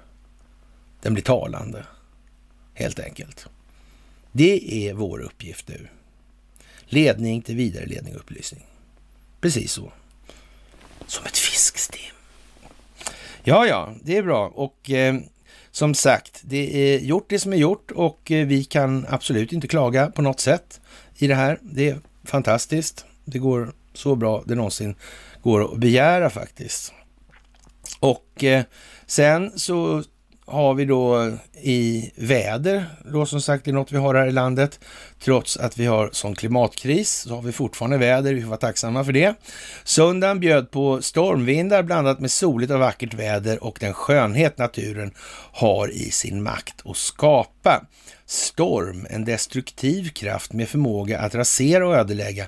Men eh, stormen blottar med svagheter i strukturer de tafatta försöken av egennyttiga hantverkare, byggmästare och de överordnade beställare att skyndsamt laga och skyla över och tidigare strukturella skador på fasader och på bärande partier och i vissa fall ända ner till själva grundstommen. Har man sett? En storm kan vara starten på en förändring för gott, till det bättre och det mer hållbara. Om bara vi som individer i ett samhälle kan enas om att analysera och stärka upp grunden. Ja, samt de bärande partier som tryggt och stadigt ska vila ovanpå i samspel för att säkerställa ett bygge med kvalitet, rustat för att hålla under lång tid framöver. Så länge samhället med dess individer ser till att förstå vikten av underhåll. Vilken storm det blir det här. Det är fantastiskt. Det är fantastiskt. Och eh, ja, som vanligt så, ni vet ju att jag är avstängd. Det är ju ofta jag är det nu för tiden. Och eh, den här avstängningen går ju ut då, alltså i, när februari tar slut ungefär då. Och då kommer ju faktiskt något intressant här. Och, och det måste man säga, det är tajmat igen alltså. Och eh, plus minus tio dagar sägs det vara då, lite sådär. Men ja, och då ska det här då Truth Social då sjösättas och så vidare. Och, och då får man väl återigen tänka sig då att det här är ju koordinerat på något sätt för att motverka den djupa staten. Och då vad vore väl mera liksom lämpligt om man vill ha lite traction, alltså lite momentum alltså. Ja. Och, än att ha någonting att säga som liksom ingen jävel kan göra någonting åt alltså. Det, det, går inte att censurera den där plattformen, märkligt nog, fast inom ramen för telekominfrastrukturen. Men å andra sidan så säger ju faktiskt, man säger ju öppet från amerikanska justitiedepartementet att Ericsson har ju brutit mot det här avtalet man hade då, så det, man får nog finnas och vara lite under, så att säga, inte så mycket morot, mera piska då, så att säga, i alla fall utåt sett. Och vad som överenskommits bakom, det vet inte vi faktiskt, men ja, Vi kan väl ana och räkna ut saker, men, men det behöver vi inte ta nu. Så, men det kommer att bli bra. Det kommer att bli bra. Och eh, ja, när man börjar med det här Truth Social då, då Vore det inte fint om Durham helt enkelt alltså börja vräka på eller trycka på i det här? Och vad ska mainstream media säga då? Ja. Att Rachel Maddow väljer Ben Stiller och påstår att de ska göra film med honom. Det kan vi säga så här. Mm, det säger någonting. det säger någonting. Om TV4. Mm, och Expressen som är strategisk partner med CNN. Mm. Är inte det fantastiskt att säga? Hur det kan bli, hur det kan bli. Ja, och eh, jaha, det är naturligtvis eh, så att det är problem med tillgången på bränsle, fordonsbränsle i Tyskland efter en cyberattack. Ja. Men som sagt, att stänga ner nätet, det verkar liksom inte så där lätt om man har amerikanska justitiedepartementet ovanpå. Det verkar svårt faktiskt. Och som sagt, det här med nödsändningarna, det verkar ju liksom... Ja, det verkar överspelat nu helt enkelt. Det, det kan naturligtvis behöva bli så, men det verkar ändå inte som att det, det verkar kunna gå mer civiliserat ordnat till det här i den meningen. Ja, så är det. Ja, krav på historiekunskap tas bort från polisutbildningen och naturligtvis, om man inte vet vad man har varit så vet man inte vad man är. Så är det också. Mm. Men har man inte uppfattning om någonting tidigare, då har man inte så mycket uppfattning om någonting heller. Nej. Och, och då är frågan här, om ni tar upp den här då, då i, i, liksom, vad, vad ska det väcka för opinionsbildningsmässiga effekter? Ja, man kan säga så här, det höjer ju inte anseendet på poliser i allmänhet alltså. Och, och de poliser som faktiskt ändå har kanske läst historia på gymnasium och sådana grejer, de, eller ja, högstadiet i alla fall. Ja, de, eh, ja, vad tycker de om det här då? Men hur är det med den där kåren då? Hörs det mycket från den kåren om att den, är det mycket poliser som uttalar sig om covid? Är det mycket aktivitet på nätet från poliser? Så? Det finns poliser som är aktiva på nätet. Alltså, det finns de som är lite busiga och så finns det de som är där på uppdrag. Mm. Är det där någonting att ha liksom då egentligen? Det handlar om det svenska rättssystemet till exempel. Är det någonting som har bäring på det där kanske? Någonting polisiärt? Ja, man vet ju inte. Det har inte blivit så bra i alla fall på slutet, så mycket kan vi säga. Jaha, och eh, Norge tar bort majoriteten av eh, restriktionerna och det görs det lite väsen av sådär. Sverige blir sist då att göra det här i Skandinavien. Vad säger det för någonting då? Och det här blir alltså, ja, det är plus minus tio dagar då. då. Ja, två veckor från nu då ungefär och sen plus minus tio dagar sägs det ju. Verkar kunna bli riktigt händelserikt. Riktigt, riktigt händelserikt. Faktiskt, det är mycket, mycket speciellt. Spännande, spännande. Aftonbladet skriver häv restriktionerna. Hallengren och handlar om Hojsan Skojsan då. Och ja, han måste sjunga en annan tonart helt plötsligt. Ja. För det är som vi sa förra gången i det här, alltså det är också så. Man må ju vara hur smart som helst att räkna ut hur mycket olika, ja, om antingen man håller på med chefstillsättningar på Polishögskolan eller om man är ja, diplomat eller vad man har pysslat med liksom i, i olika sammanhang och räkna ut åt vad svenska kyrkan i utlandet är ju liksom rena gangsterverksamheten mer eller mindre alltså. Ja, och, och, och sådär. Mm. Men, eh, ja, som sagt, det är ju inte i alla lägen det där hänger med riktigt alltså. Faktiskt. Det är ju inte det. Det fastnar ofta. Och, och äldre människor har alltså inte så lätt att byta känslogrundande värderingar. Det har fäst för mycket helt enkelt och det får man också ha överseende med. Man får ta det med lämpor helt enkelt. Så. Därmed inte sagt att det är någonting som är omöjligt att, eller att gamla människor inte kan. Alltså, det är inte det som sägs här nu. Utan vi får faktiskt ta hänsyn till det också. Och vi måste faktiskt ha med oss dem i tillräcklig omfattning. Så man får ta med de valda delar som inte går att undvika helt enkelt. Och så att säga förklara den sakliga grund som där råder. Så. Och som sagt, pengar är ju alltid ett populärt ämne i de generationerna, så är det ju. Jaha, det är bra optik när Greta Thunberg blir nominerad till Nobels fredspris. Det, det kan vi ju säga, det behöver inte göra så mycket tydligare än så kanske. Det är sagt med det. Faktiskt, det säger någonting och det ger en optik som säger någonting om värde på Nobelpriset. Alltså, är det seriöst? Det är fjärde gången den nominerad helt enkelt. Vilka insatser. Vi måste ja, dö själva och eh, ja, ta bort klimatet för att, eller ta bort miljön för att rädda klimatet. Så, mm. och det går säkert människor med på jättegärna helt enkelt. Jaha, militären i Myanmar möter oväntat motstånd från unga.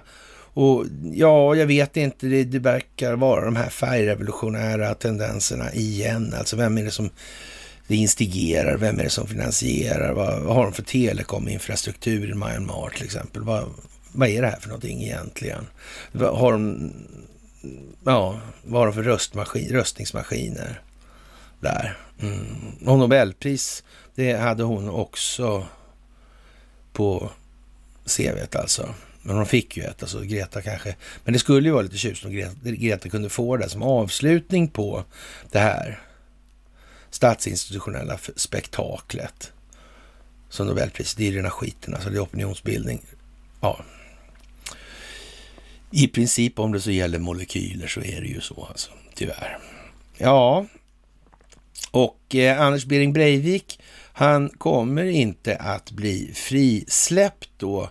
Och han är då inte så empatisk eller motsvarande då, så han saknar medkänsla, säger då en rätt som har bestämt det här. Och, och det är ju lite, som sagt, det är ju spetsigt, alltså skickligt, kirurgisk precision på så att säga, de emotionella bedömningarna ifrån rättens sida i så mått och eftersom de kan sätta sig in i exakt vilka känsloupplevelser som Anders Behring Breivik faktiskt upplever. Det är ju fantastiskt av dem alltså.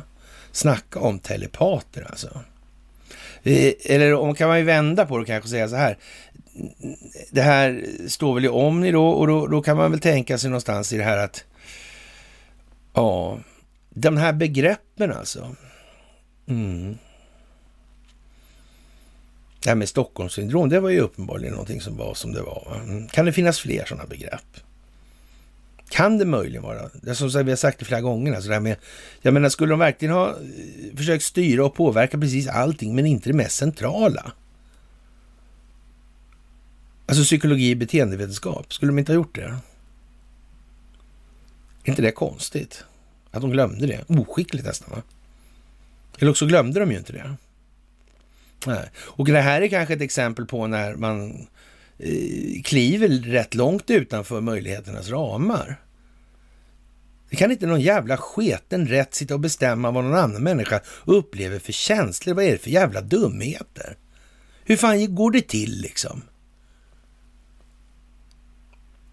Ja, vi är empatiska. Ja, men vad fint då. Nu ställer vi oss på varsin sida om en dörr där. Och, och sen lovar jag att uppleva en känsla och då ska du tala om vilken jävla känsla det är. Annars grundar sig din känsla på någonting annat. Då måste du ha intryck och då är det liksom så. Mm. Och det är omöjligt att jag kan lura dig också dessutom. Ja, säkert. Ja, det kanske så kanske det är. Ja, ja. ja. Eller menar de då att Breivik han är så jävla elak så han luras med känslorna? Det var fan det är frågan om här.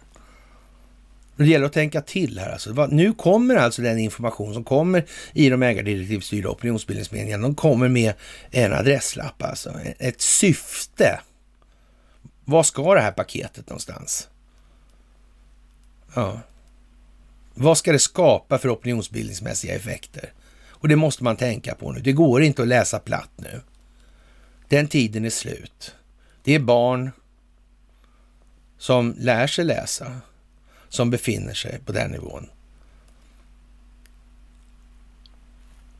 Legere et non, intelligere, negligere est. Att läsa och inte förstå är inte att läsa. Farmor höll sig ofta med den stråsen. Mm, sådär. Jaha, det är ju så sagt som det är med valet i USA och det kommer som vi har sagt också slå in här och det kommer slå in här samtidigt som en rad andra saker. Så är det bara. Ja. Och eh, Scania fick eh, 9 miljarder i vite för kartellbildning. Och ja, hur kan det komma sig? Hur kan det här komma sig?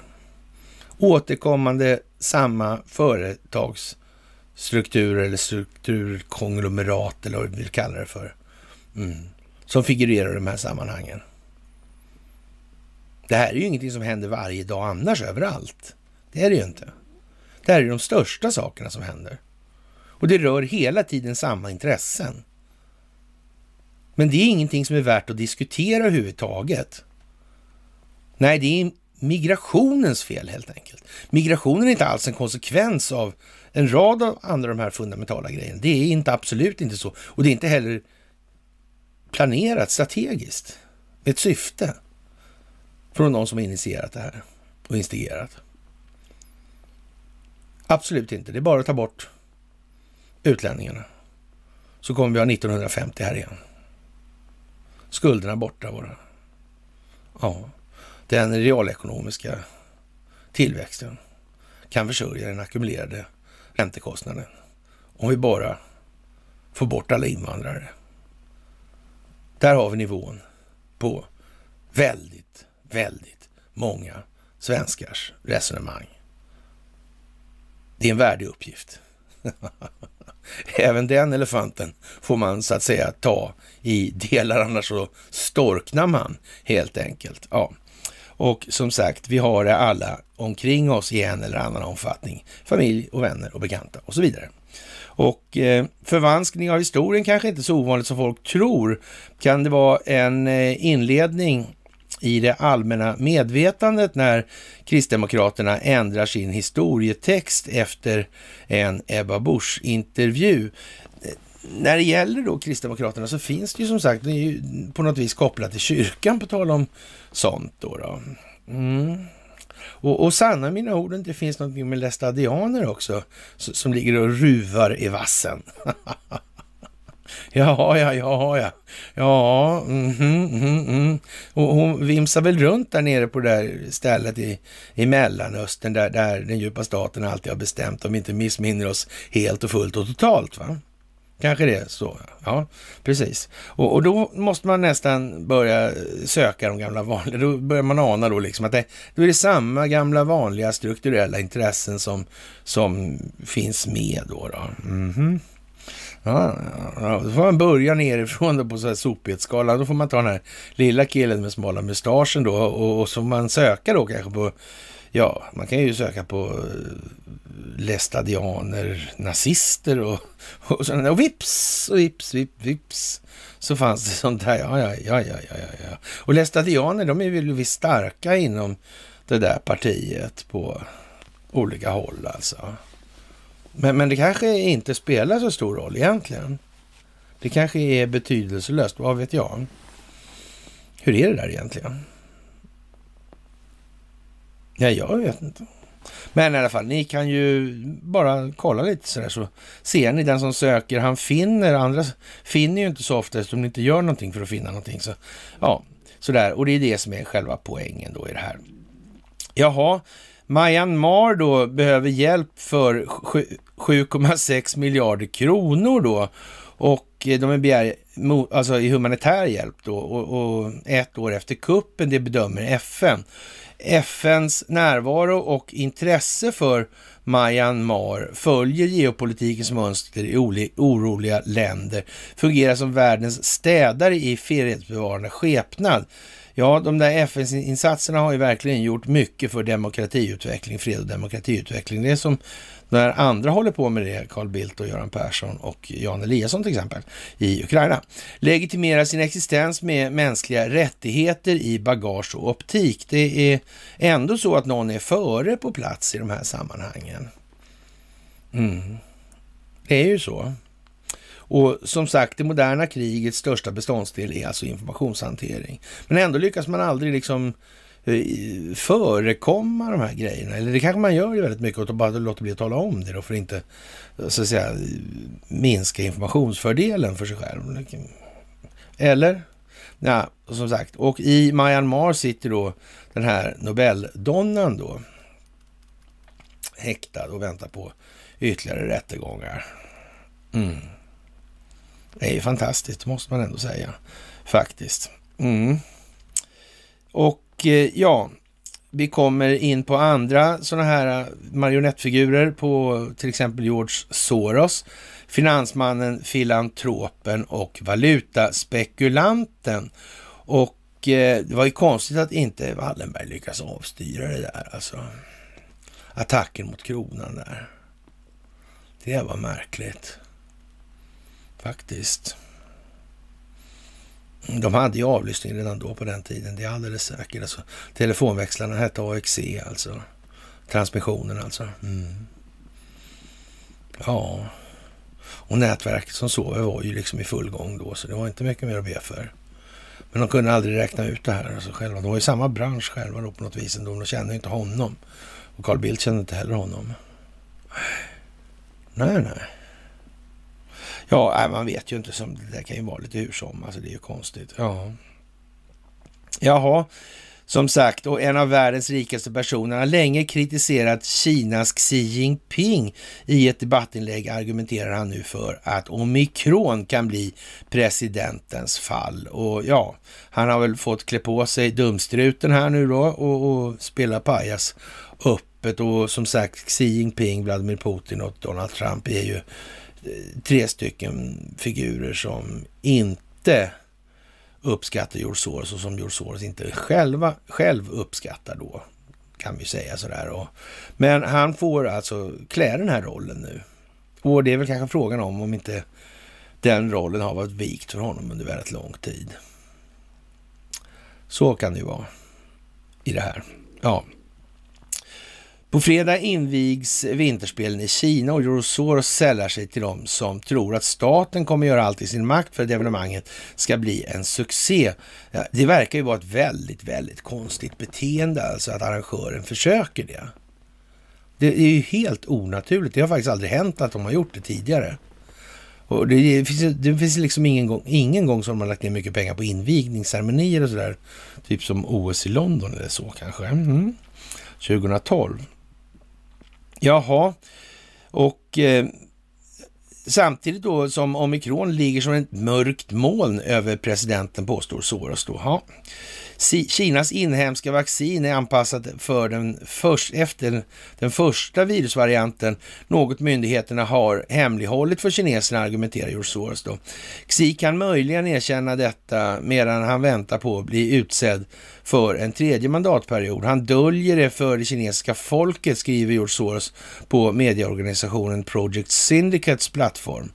Det, detta har gjort att Peking har tagit till enorma nedstängningar men det tror inte George Soros kommer att räcka för att hålla omikron i schack alltså i samband med OS och strax därefter väntas hemligheten bli avslöjad. Och man kan väl säga så här, de flesta har väl fattat det här med att omikron är väldigt smittsamt men i princip totalt ofarligt. Ja, inte svenska befolkningen som ska bli sist i det här, det har de inte fattat. Men, men andra har förstått det i alla fall. Ja. Jaha, Nolltoleransen hämmar inte bara ekonomin utan orsakar också stora problem för de som sätts i karantän, skriver han och fortsätter. Myndigheterna kommer inte att kunna tysta deras klagomål särskilt länge. Och som sagt, vem det är som uppmuntrar till vad i de här sammanhangen, det tror jag alla vid det här laget har klart för sig alltså. Mm. Och kopplingarna till Sverige är naturligtvis fullkomligt obetydliga i vanlig mening alltså. Mm. Jaha, samtidigt drabbades, eh, drabbas många kineser av problem i fastighetssektorn, vilket George Soros tror göder missnöjet med Xi Jinping. Han hävdar också att det i kommunistpartiet finns ett motstånd mot presidenten och, och det kan väl vi hålla med om att absolut måste finnas. Det måste ju finnas det, att inte den djupa staten skulle finnas förgrenad inuti det kinesiska kommunistiska partiet. Det skulle i alla fall eh, oskyldig förklara Joe Biden big time, eller hur man nu skulle kunna... Ja, så. Eller också är det så att den djupa staten finns inte i Kina överhuvudtaget. Nej, det är bara de som säger att ett fåtal svenskar brutalt, brutalt vis lägger sig i Kinas inre angelägenheter. Och har gjort det i 200 år också. Men det spelar förmodligen ingen roll. Och Huawei har stämt den svenska staten. Och vinner den svenska staten så finns det 184 länder som kan sparka ut Ericsson. Mm. För svenska staten gick på vad Säpo sa. Mm. Vad synd. Trist historia det där. Ja, ja, ja, ja, ja.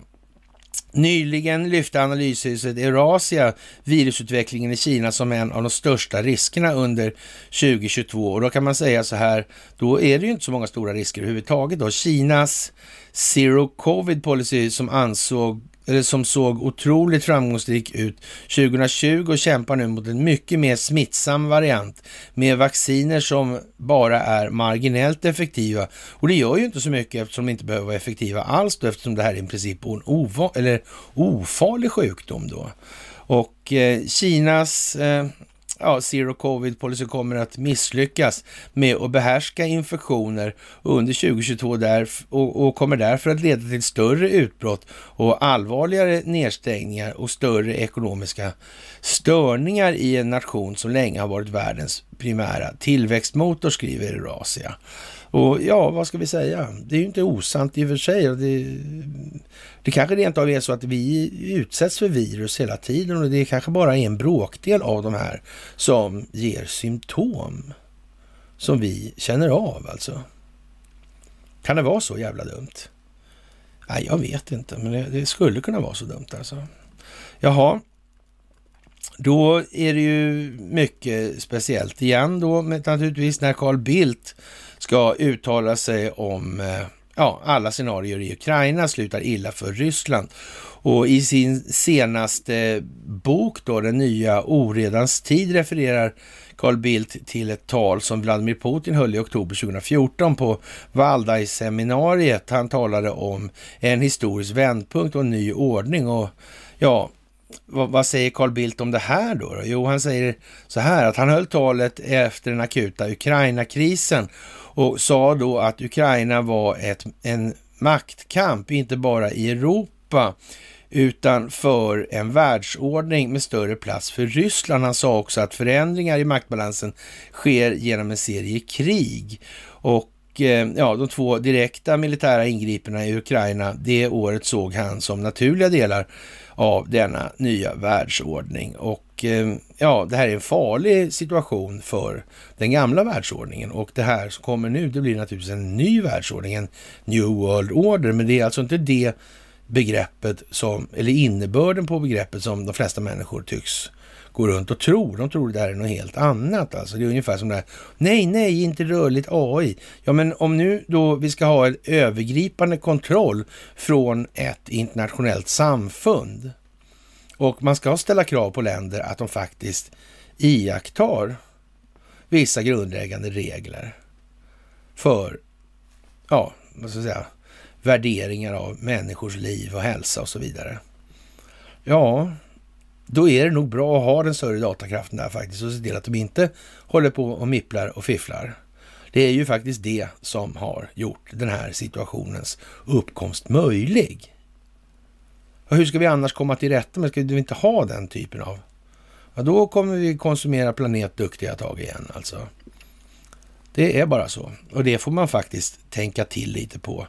Jaha, vilket slags krig blir det om eh, Vladimir Putin anfaller? Det vet man inte heller. Det finns ett olika antal scenarier då.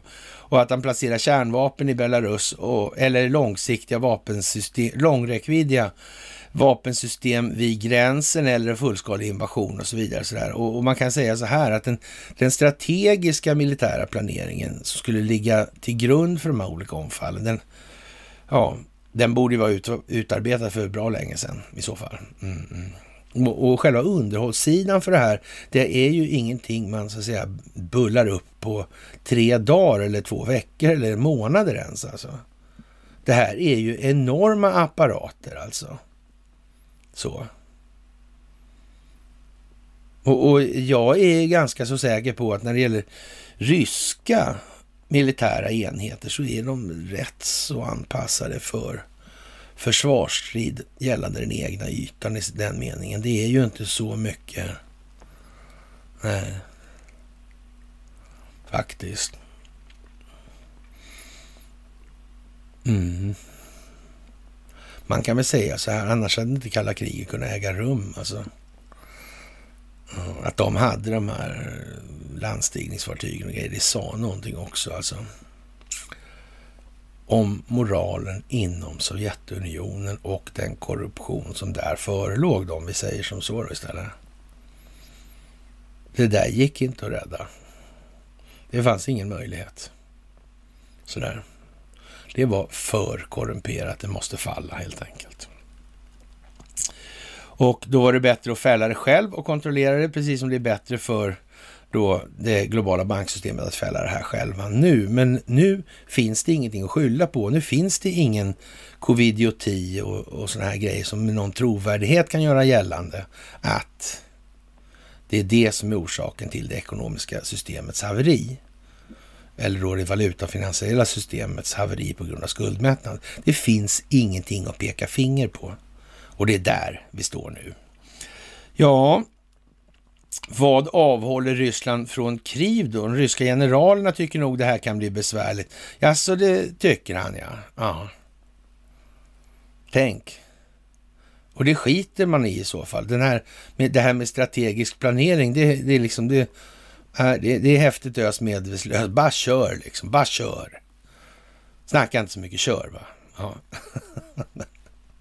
ja, ja. Charlie Picture har uppenbarligen lite svårt med det här nu och, och, det är ju klart att eh, ja, i något givet skede så ska han också dra sitt strå till stacken i de här sammanhangen.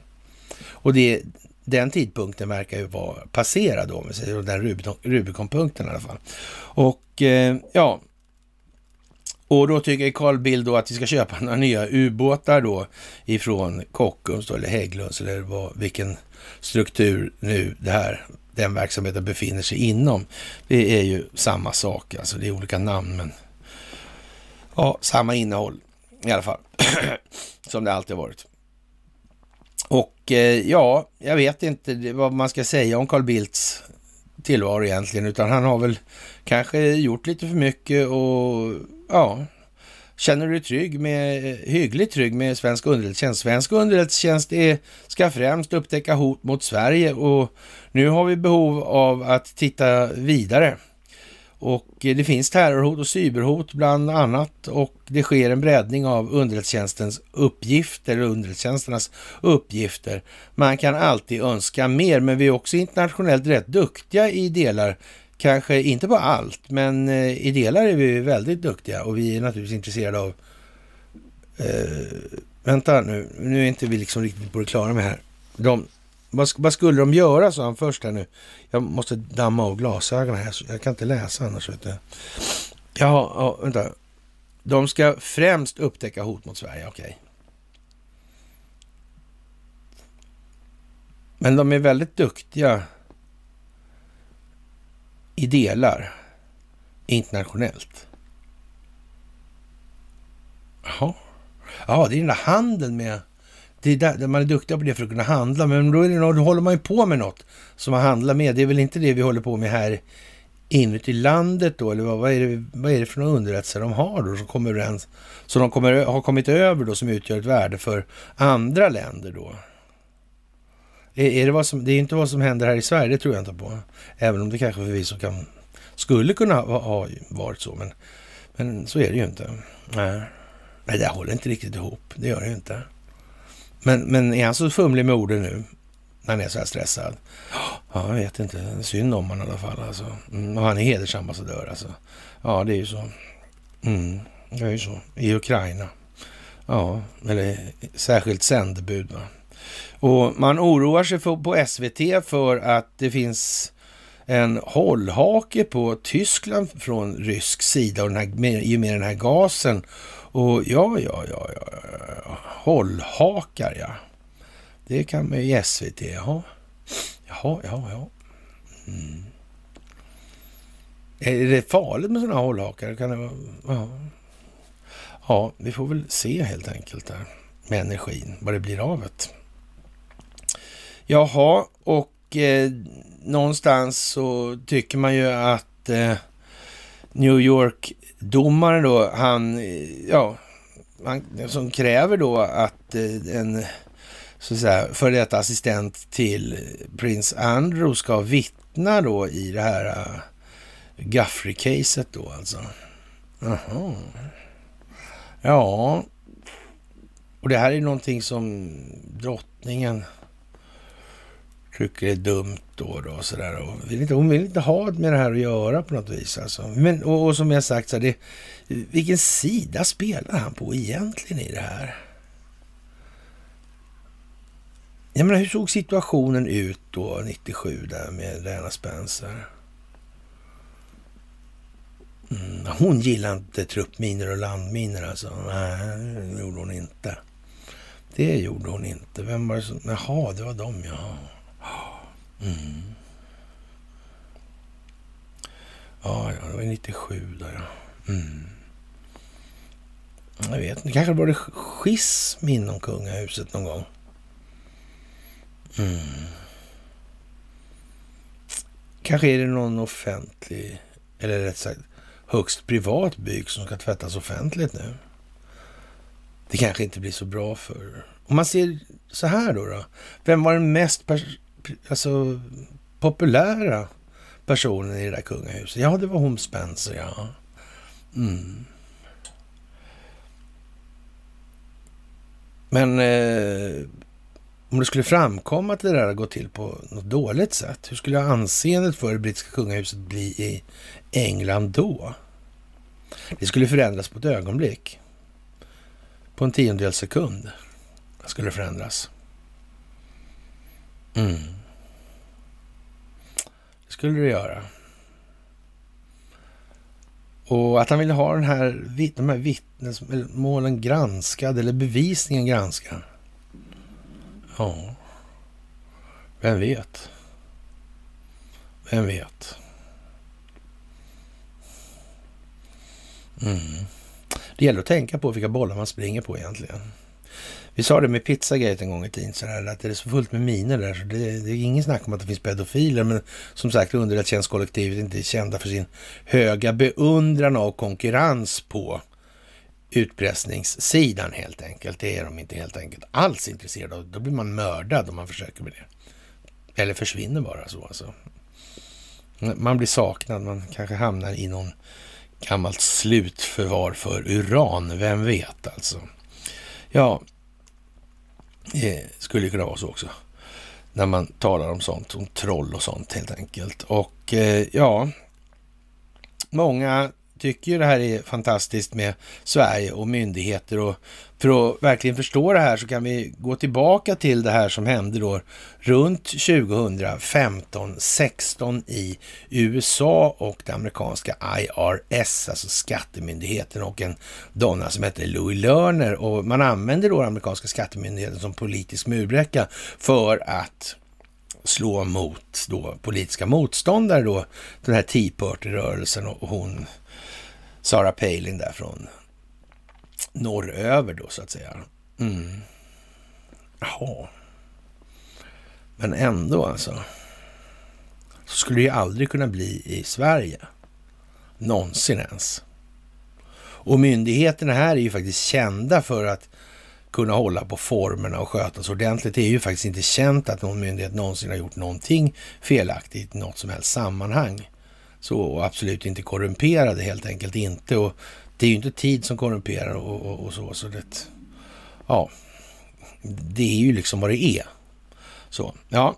Och eh, man får ju ändå ge då Skatteverkets chef här då, ja, någon, någon form av cred och få någon känsla för timing då. Skatteverket vill få tillgång till biometrisk ID-kontroll, sånt som Trafikverket håller på med fast de inte får, för att bekämpa gängkriminalitet, penningtvätt, illegal arbetskraft och bidragsfusk, skriver DN.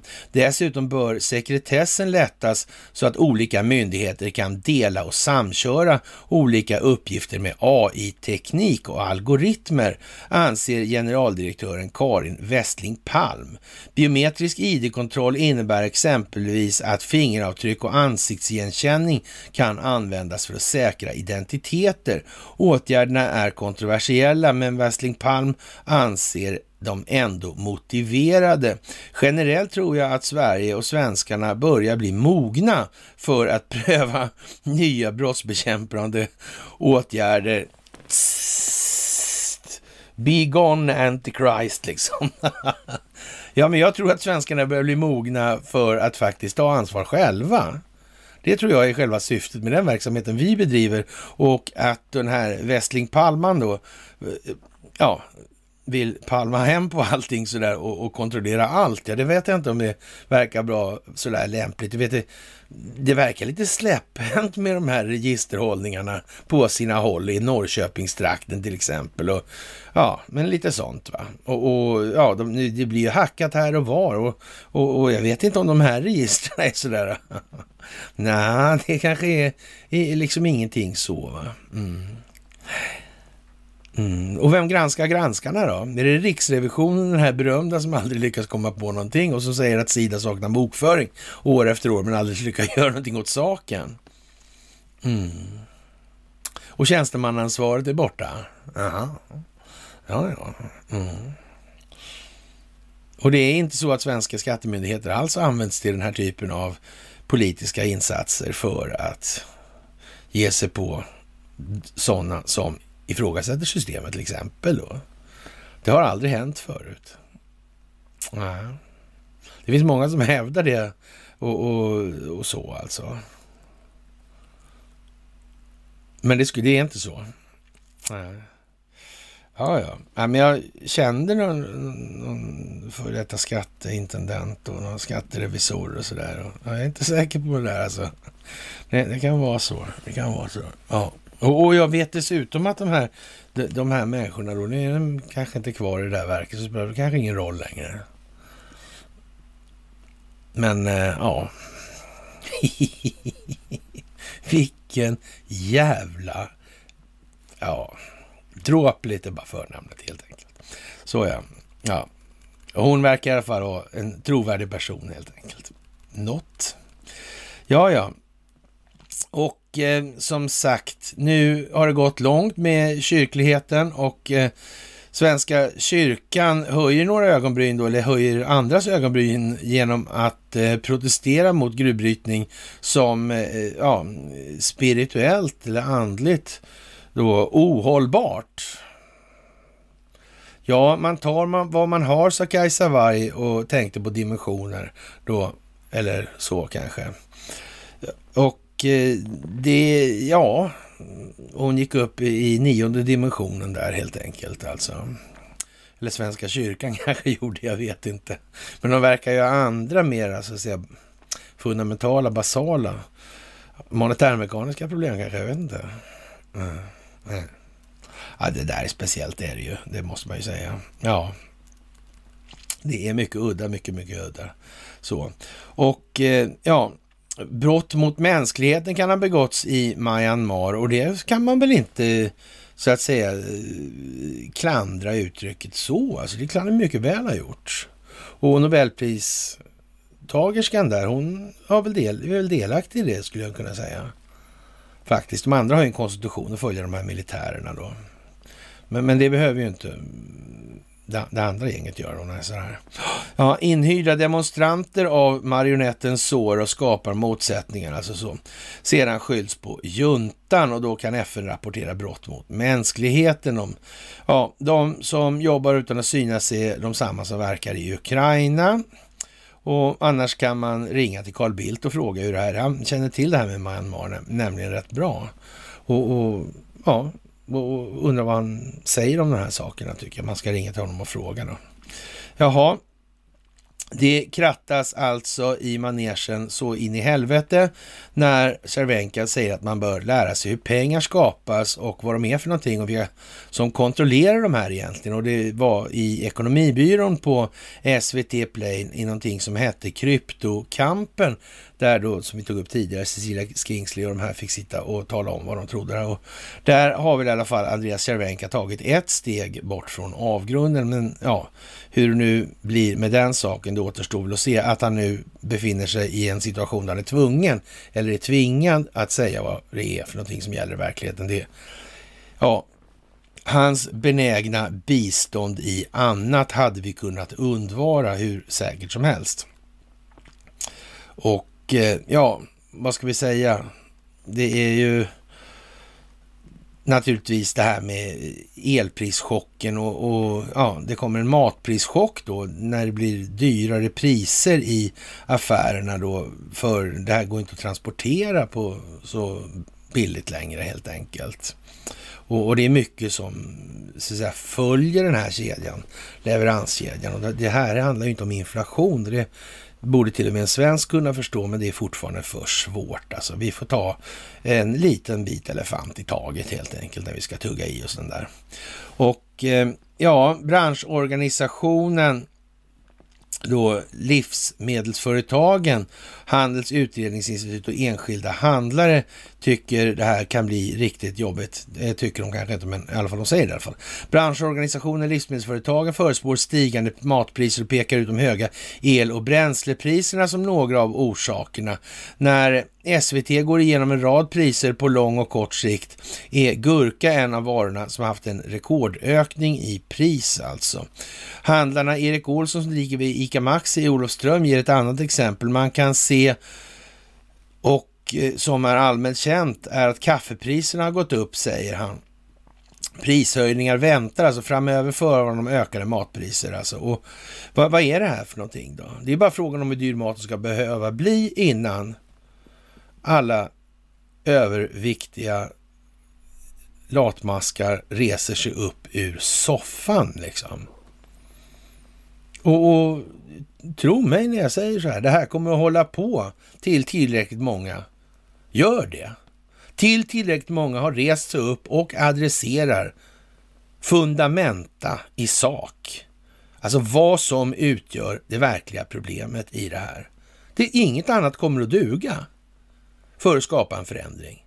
Är det så svårt att förstå? Det kommer inte gå att rösta fram en förändring i det här systemet. Vi har inte ens grundlagar till stöd för det i den meningen. Vi kommer tillbaka lite till det här med lagar i ett lite senare, eller i en lite senare längd. Och eh, jaha, bönderna Gunvor och Göran i Önskanäs då, de lägger ner då. Och det här är ju som sagt, nu måste människor börja förstå att det här går inte att hålla på på det här viset. Det får konsekvenser. Och som jag diskuterade med någon igår på telefon, alltså det är ju själva fan, de kommer ju hålla käften till just deras sista godis är slut på godishyllan på ICA. Det, det är ju liksom deras samhällsansvar alltså. De skiter i precis allt annat och sen dör de. För då är det för sent. Det är ju bedrövligt att man inte liksom har ja, mer självrespekt än så. Det är ett monumentalt självförakt att vara så passiv. Jag orkar inte bry mig. Nej, men vi får se när du börjar bry dig då. Om du orkar då. Det kommer inte bli lättare då alltså. Du har ont om tid redan nu. Använd den väl istället. Det är bara så. Helt jävla assäkert. Jaha. Och eh, det känns vemodigt. Man har haft den här väldigt länge. Den här lantbruksenheten då, eller bondgården då. Och eh, ja, man eh, blir tvungna eh, att ta fram de här grova argumenten nu. Folk är inte liksom, som sagt, de må ju vara hjärntvättade i de forna kronkolonierna alltså. Absolut. Men, men, men, men, men, men. Mm. Man ska vara försiktig. Så är det ju. Ja, men eh, optiken är ju vad den är. Det går liksom inte att missa. Och eh, många verksamheter drabbas av de högre drivmedelspriserna och för lantbrukare är det extra kännbart. Det finns inget alternativ till traktorer för att utföra gårdens sysslor i det här då. då. I Brunkulla gård i Fanbyn jobbar Frej Pettersson ihop med sin far Niklas Persson vad fan heter de olika? Frej Persson och Niklas Persson heter de. Eh, hoppas någon gång kunna ta över gården som främst inriktas på mjölkproduktion. Och 11 000 för full tank då och många av gårdens sysslor utförd med en stor svart traktor som med dagens bränslepris kostar över 11 000 kronor att fylla upp alltså. Det går inte annars helt enkelt. Och eh, ja, men då får vi väl sluta äta då, då och så får vi ringa Rockström helt enkelt. För han tycker ju att det ska bort. Det ska vara eltraktorer. Dum jävel. Under tiden fram tills dess så ska vi svälta ihjäl. Självförsörjningsgraden är så där, alltså det är den ju. Ja. Men det går fortfarande inte, det liksom lirar inte. Nu är ju Rockström kanske inte så korkad som jag målar ja, utåt eller målar upp honom i det här. Va? Utan, eh, man får nog anse att risken för att han har ett halsband med taggarna inåt är eh, överhängande helt enkelt. Eller inte i det fallet överhängande. Utan åtdraget snarare då. Ja, speciellt i alla fall. Och eh, en debattör, han tycker till exempel att det är inte bönderna som har bestämt eller beslutat om att vi ska ha jordbrukspolitik. Övervägande del av lantbrukarna som jag har träffat skulle hellre vilja driva företag på de pengar de kan tjäna på marknaden och inte vara beroende av politiska beslut och ersättningen, säger Palle Borgström, ordförande för Lantbrukarnas riksförbund, alltså LRF då. Och det här är på SVT. Och jag vet inte liksom hur tydligt det här ska bli. Jag menar, kan inte, man kan inte på SVT och de här säga så här, tänk så här nu, eftersom ni inte klarar av att tänka själva. Ja, det är kanske så man ska göra. Men man tror ju någonstans att det kan inte vara så här illa alltså. Vad är det för någonting som fungerar i huvudet på människor som inte reagerar nu? Men det måste kanske bli tydligare, men det går ju fort också nu, så det ska vi väl säga så här också. Jaha, Anna Ekström om de falska betygen. Hon blir skogstokig. Ja, vad ska vi säga? Eh, ja, vad ska man säga? Det, det är ju... Den där alltså. Ja. Jag vet inte vad man ska säga. Det här är ju liksom hur kom det sig att det blev så med den här skolan och falska betygen och så vidare? Varför blev det så? När kom man på att enskild nyttomaximering var det som var bäst för utbildningsväsendet? Hur kom det sig? Vad var det för geni liksom? Nu har vi provat det, det gick ju sådär. Kan det finnas fler? Är det till exempel lämpligt med enskild nyttomaximerad polismyndighet? ett rättssystem, ett försvar, en kyrka.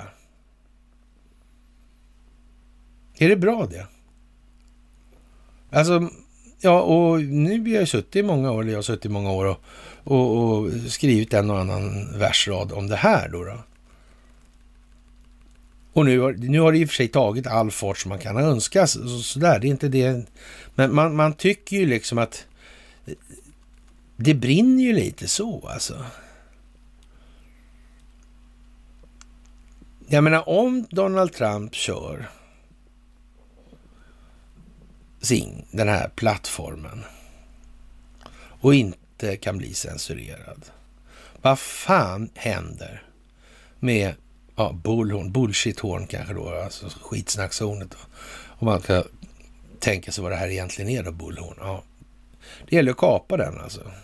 Mm. Det har man redan gjort i och för sig. Men eh, ja, de sista resterna går ju i graven då. Om man har en global kanal. Som alla går dit och man får säga vad man vill alltså.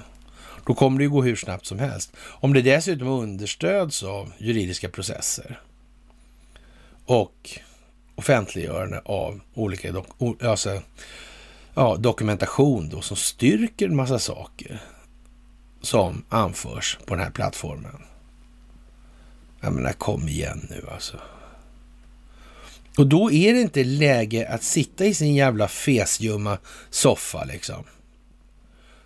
Och, och titta på godisskålen och undra vad fan skulle köpt mer alltså. Det är bara så alltså. Jaha, är vaccinationsbevisen verkligen lagliga, dagens juridik? Och det är en lång artikel, men man har gjort sig från eh, ja, offentlighetens sida, gjort sig eh, ja, adjunkt vid juridiska institutionen vid Stockholms universitet var, då har man gjort sig besväret då att liksom reda i det här lite grann. Och man, man, man får väl säga någonstans att det, eh, ja, lite välvilligt i alla fall kan man ju säga så här att då allt det här handlar alltså emellertid om mycket mer än en akademisk övning och härleda normgivningskompetens. Alltså, det handlar om delegering. När vilken rätt har man att delegera något man inte har egentligen? Och kan man göra det? Vilket är fallet då med det här. Och, och om då riksdagen, då, som normalt sett stiftar lagar, och överlåter till regeringen som i sin tur delegerar ner till myndigheter och så vidare. Så det, det finns liksom eh, eh, en ganska så kraftig paradox i det här rent juridiskt. Och man får väl säga så här att eh, ja, det är mer, en akadem eh, mer än, än bara en akademisk övning i härledande och normgivningskompetens. Skulle ovanstående slutsats visa sig vara korrekt, ja då kan det få långtgående konsekvenser för alla de verksamheter som idag har valt att tillämpa möjligheten att kräva uppvisande av vaccinationsbevis. Principen om normhierarki innebär nämligen att en lag eller annan författning som strider mot grundlag inte får tillämpas. Jämför även Ja, eller ja, det innebär i sin tur att den verksamhet, att den verksamhetsutövare som med stöd av den här begränsningsförordningen då verifierar ett vaccinationsbevis löper risk att göra sig skyldig till otillåten personuppgiftshantering ja, enligt EUs dataskyddsdirektiv. Då. Om så skulle visa sig vara fallet är det sannolikt så att integritetsskyddsmyndigheten har bråda dagar framför sig. Så är det ju naturligtvis. Alla näringsidkare och alla som har ställt upp på det där kommer naturligtvis få vad de ska i det här. Det är inte bara det att det är frivilligt att vaccineras, det är definitivt frivilligt att säga nej till att kräva vaccinationsbevis. Mm. Och det hade gått från det säga, verksamheternas sida, hade det gått att driva en process i det här och tvinga fram ett rättsligt ställningstagande ifrån myndigheterna. Det gjorde man inte. Utan det var girigheten styrde. För första gången i svensk historia alltså. Jaha, det kan man ju tycka kanske är lite förvånande. Eller inte alls kanske. Det kan vi ju säga egentligen. Jaha, och eh, när det gäller då trudelutten så, ja, han har testat positivt för covid och vad ska vi säga om det? Det var väl trevligt för honom man, någon säger väl lite elakt att han har väl, ja, så att säga, tagit ner flaggan helt enkelt. Och eh, trudelutten som sådan, som person med sitt, så att säga, sin CV, eller vad vi ska kalla det för. Ja, vald med omsorg skulle man kunna säga. Vald med omsorg, med blackface och hela grejen alltså. Det är fantastiskt alltså hur det kunde bli sådär. Helt fantastiskt. Och eh, med det så kan vi väl nästan säga att vi har gått en bit på vägen den här veckan och har kommit fram till onsdagen alltså. Och eh, ja, och Eh, den här Donnan Ekström alltså, hon vill även styra utbudet av, in, i, ja, utbudet av utbildningar alltså. Bestämma helt enkelt vad folk ska utbilda sig till. Och, och jag vet inte riktigt om det går att göra så jävla mycket dummare än vad det här är just nu. Men, men jag kan ha fel, det, det, det, eller rättare sagt, det kan det säkert. Och, och, man ska tro gott om människor, så man ska ju bli förbannad hela tiden då. Alltså tycka att, men alltså, Ja, och så är det ju naturligtvis. Man får ta det med jämnmod helt enkelt. Ett eh, stilla betraktande av evigheten skapar tålamod. Med det, kära vänner, så säger vi väl tack för dagens lilla övning och eh, som sagt, ni är fantastiska. Det här är jätteroligt och även om jag låter lite gnällig mellan varven, men det hör till liksom. Det ska ju gå lite upp och ner i humöret så här då, så det blir lite engagemang i det hela så att säga. Med det i alla fall så vill jag önska härskapet en trevlig eh, piglördag. pig-lördag. Det är alltså onsdag idag. Så återkommer vi senast på fredag om det inte händer något väldigt dramatiskt, vilket det kommer att göra förr eller senare här. Så vi kommer inte klara oss med tre sändningar någon någon vecka kommer det här att spricka helt enkelt. Nu har det gått bra så här långt. Så. Men okej, okay, trevlig kväll på er alla så hörs vi på fredag.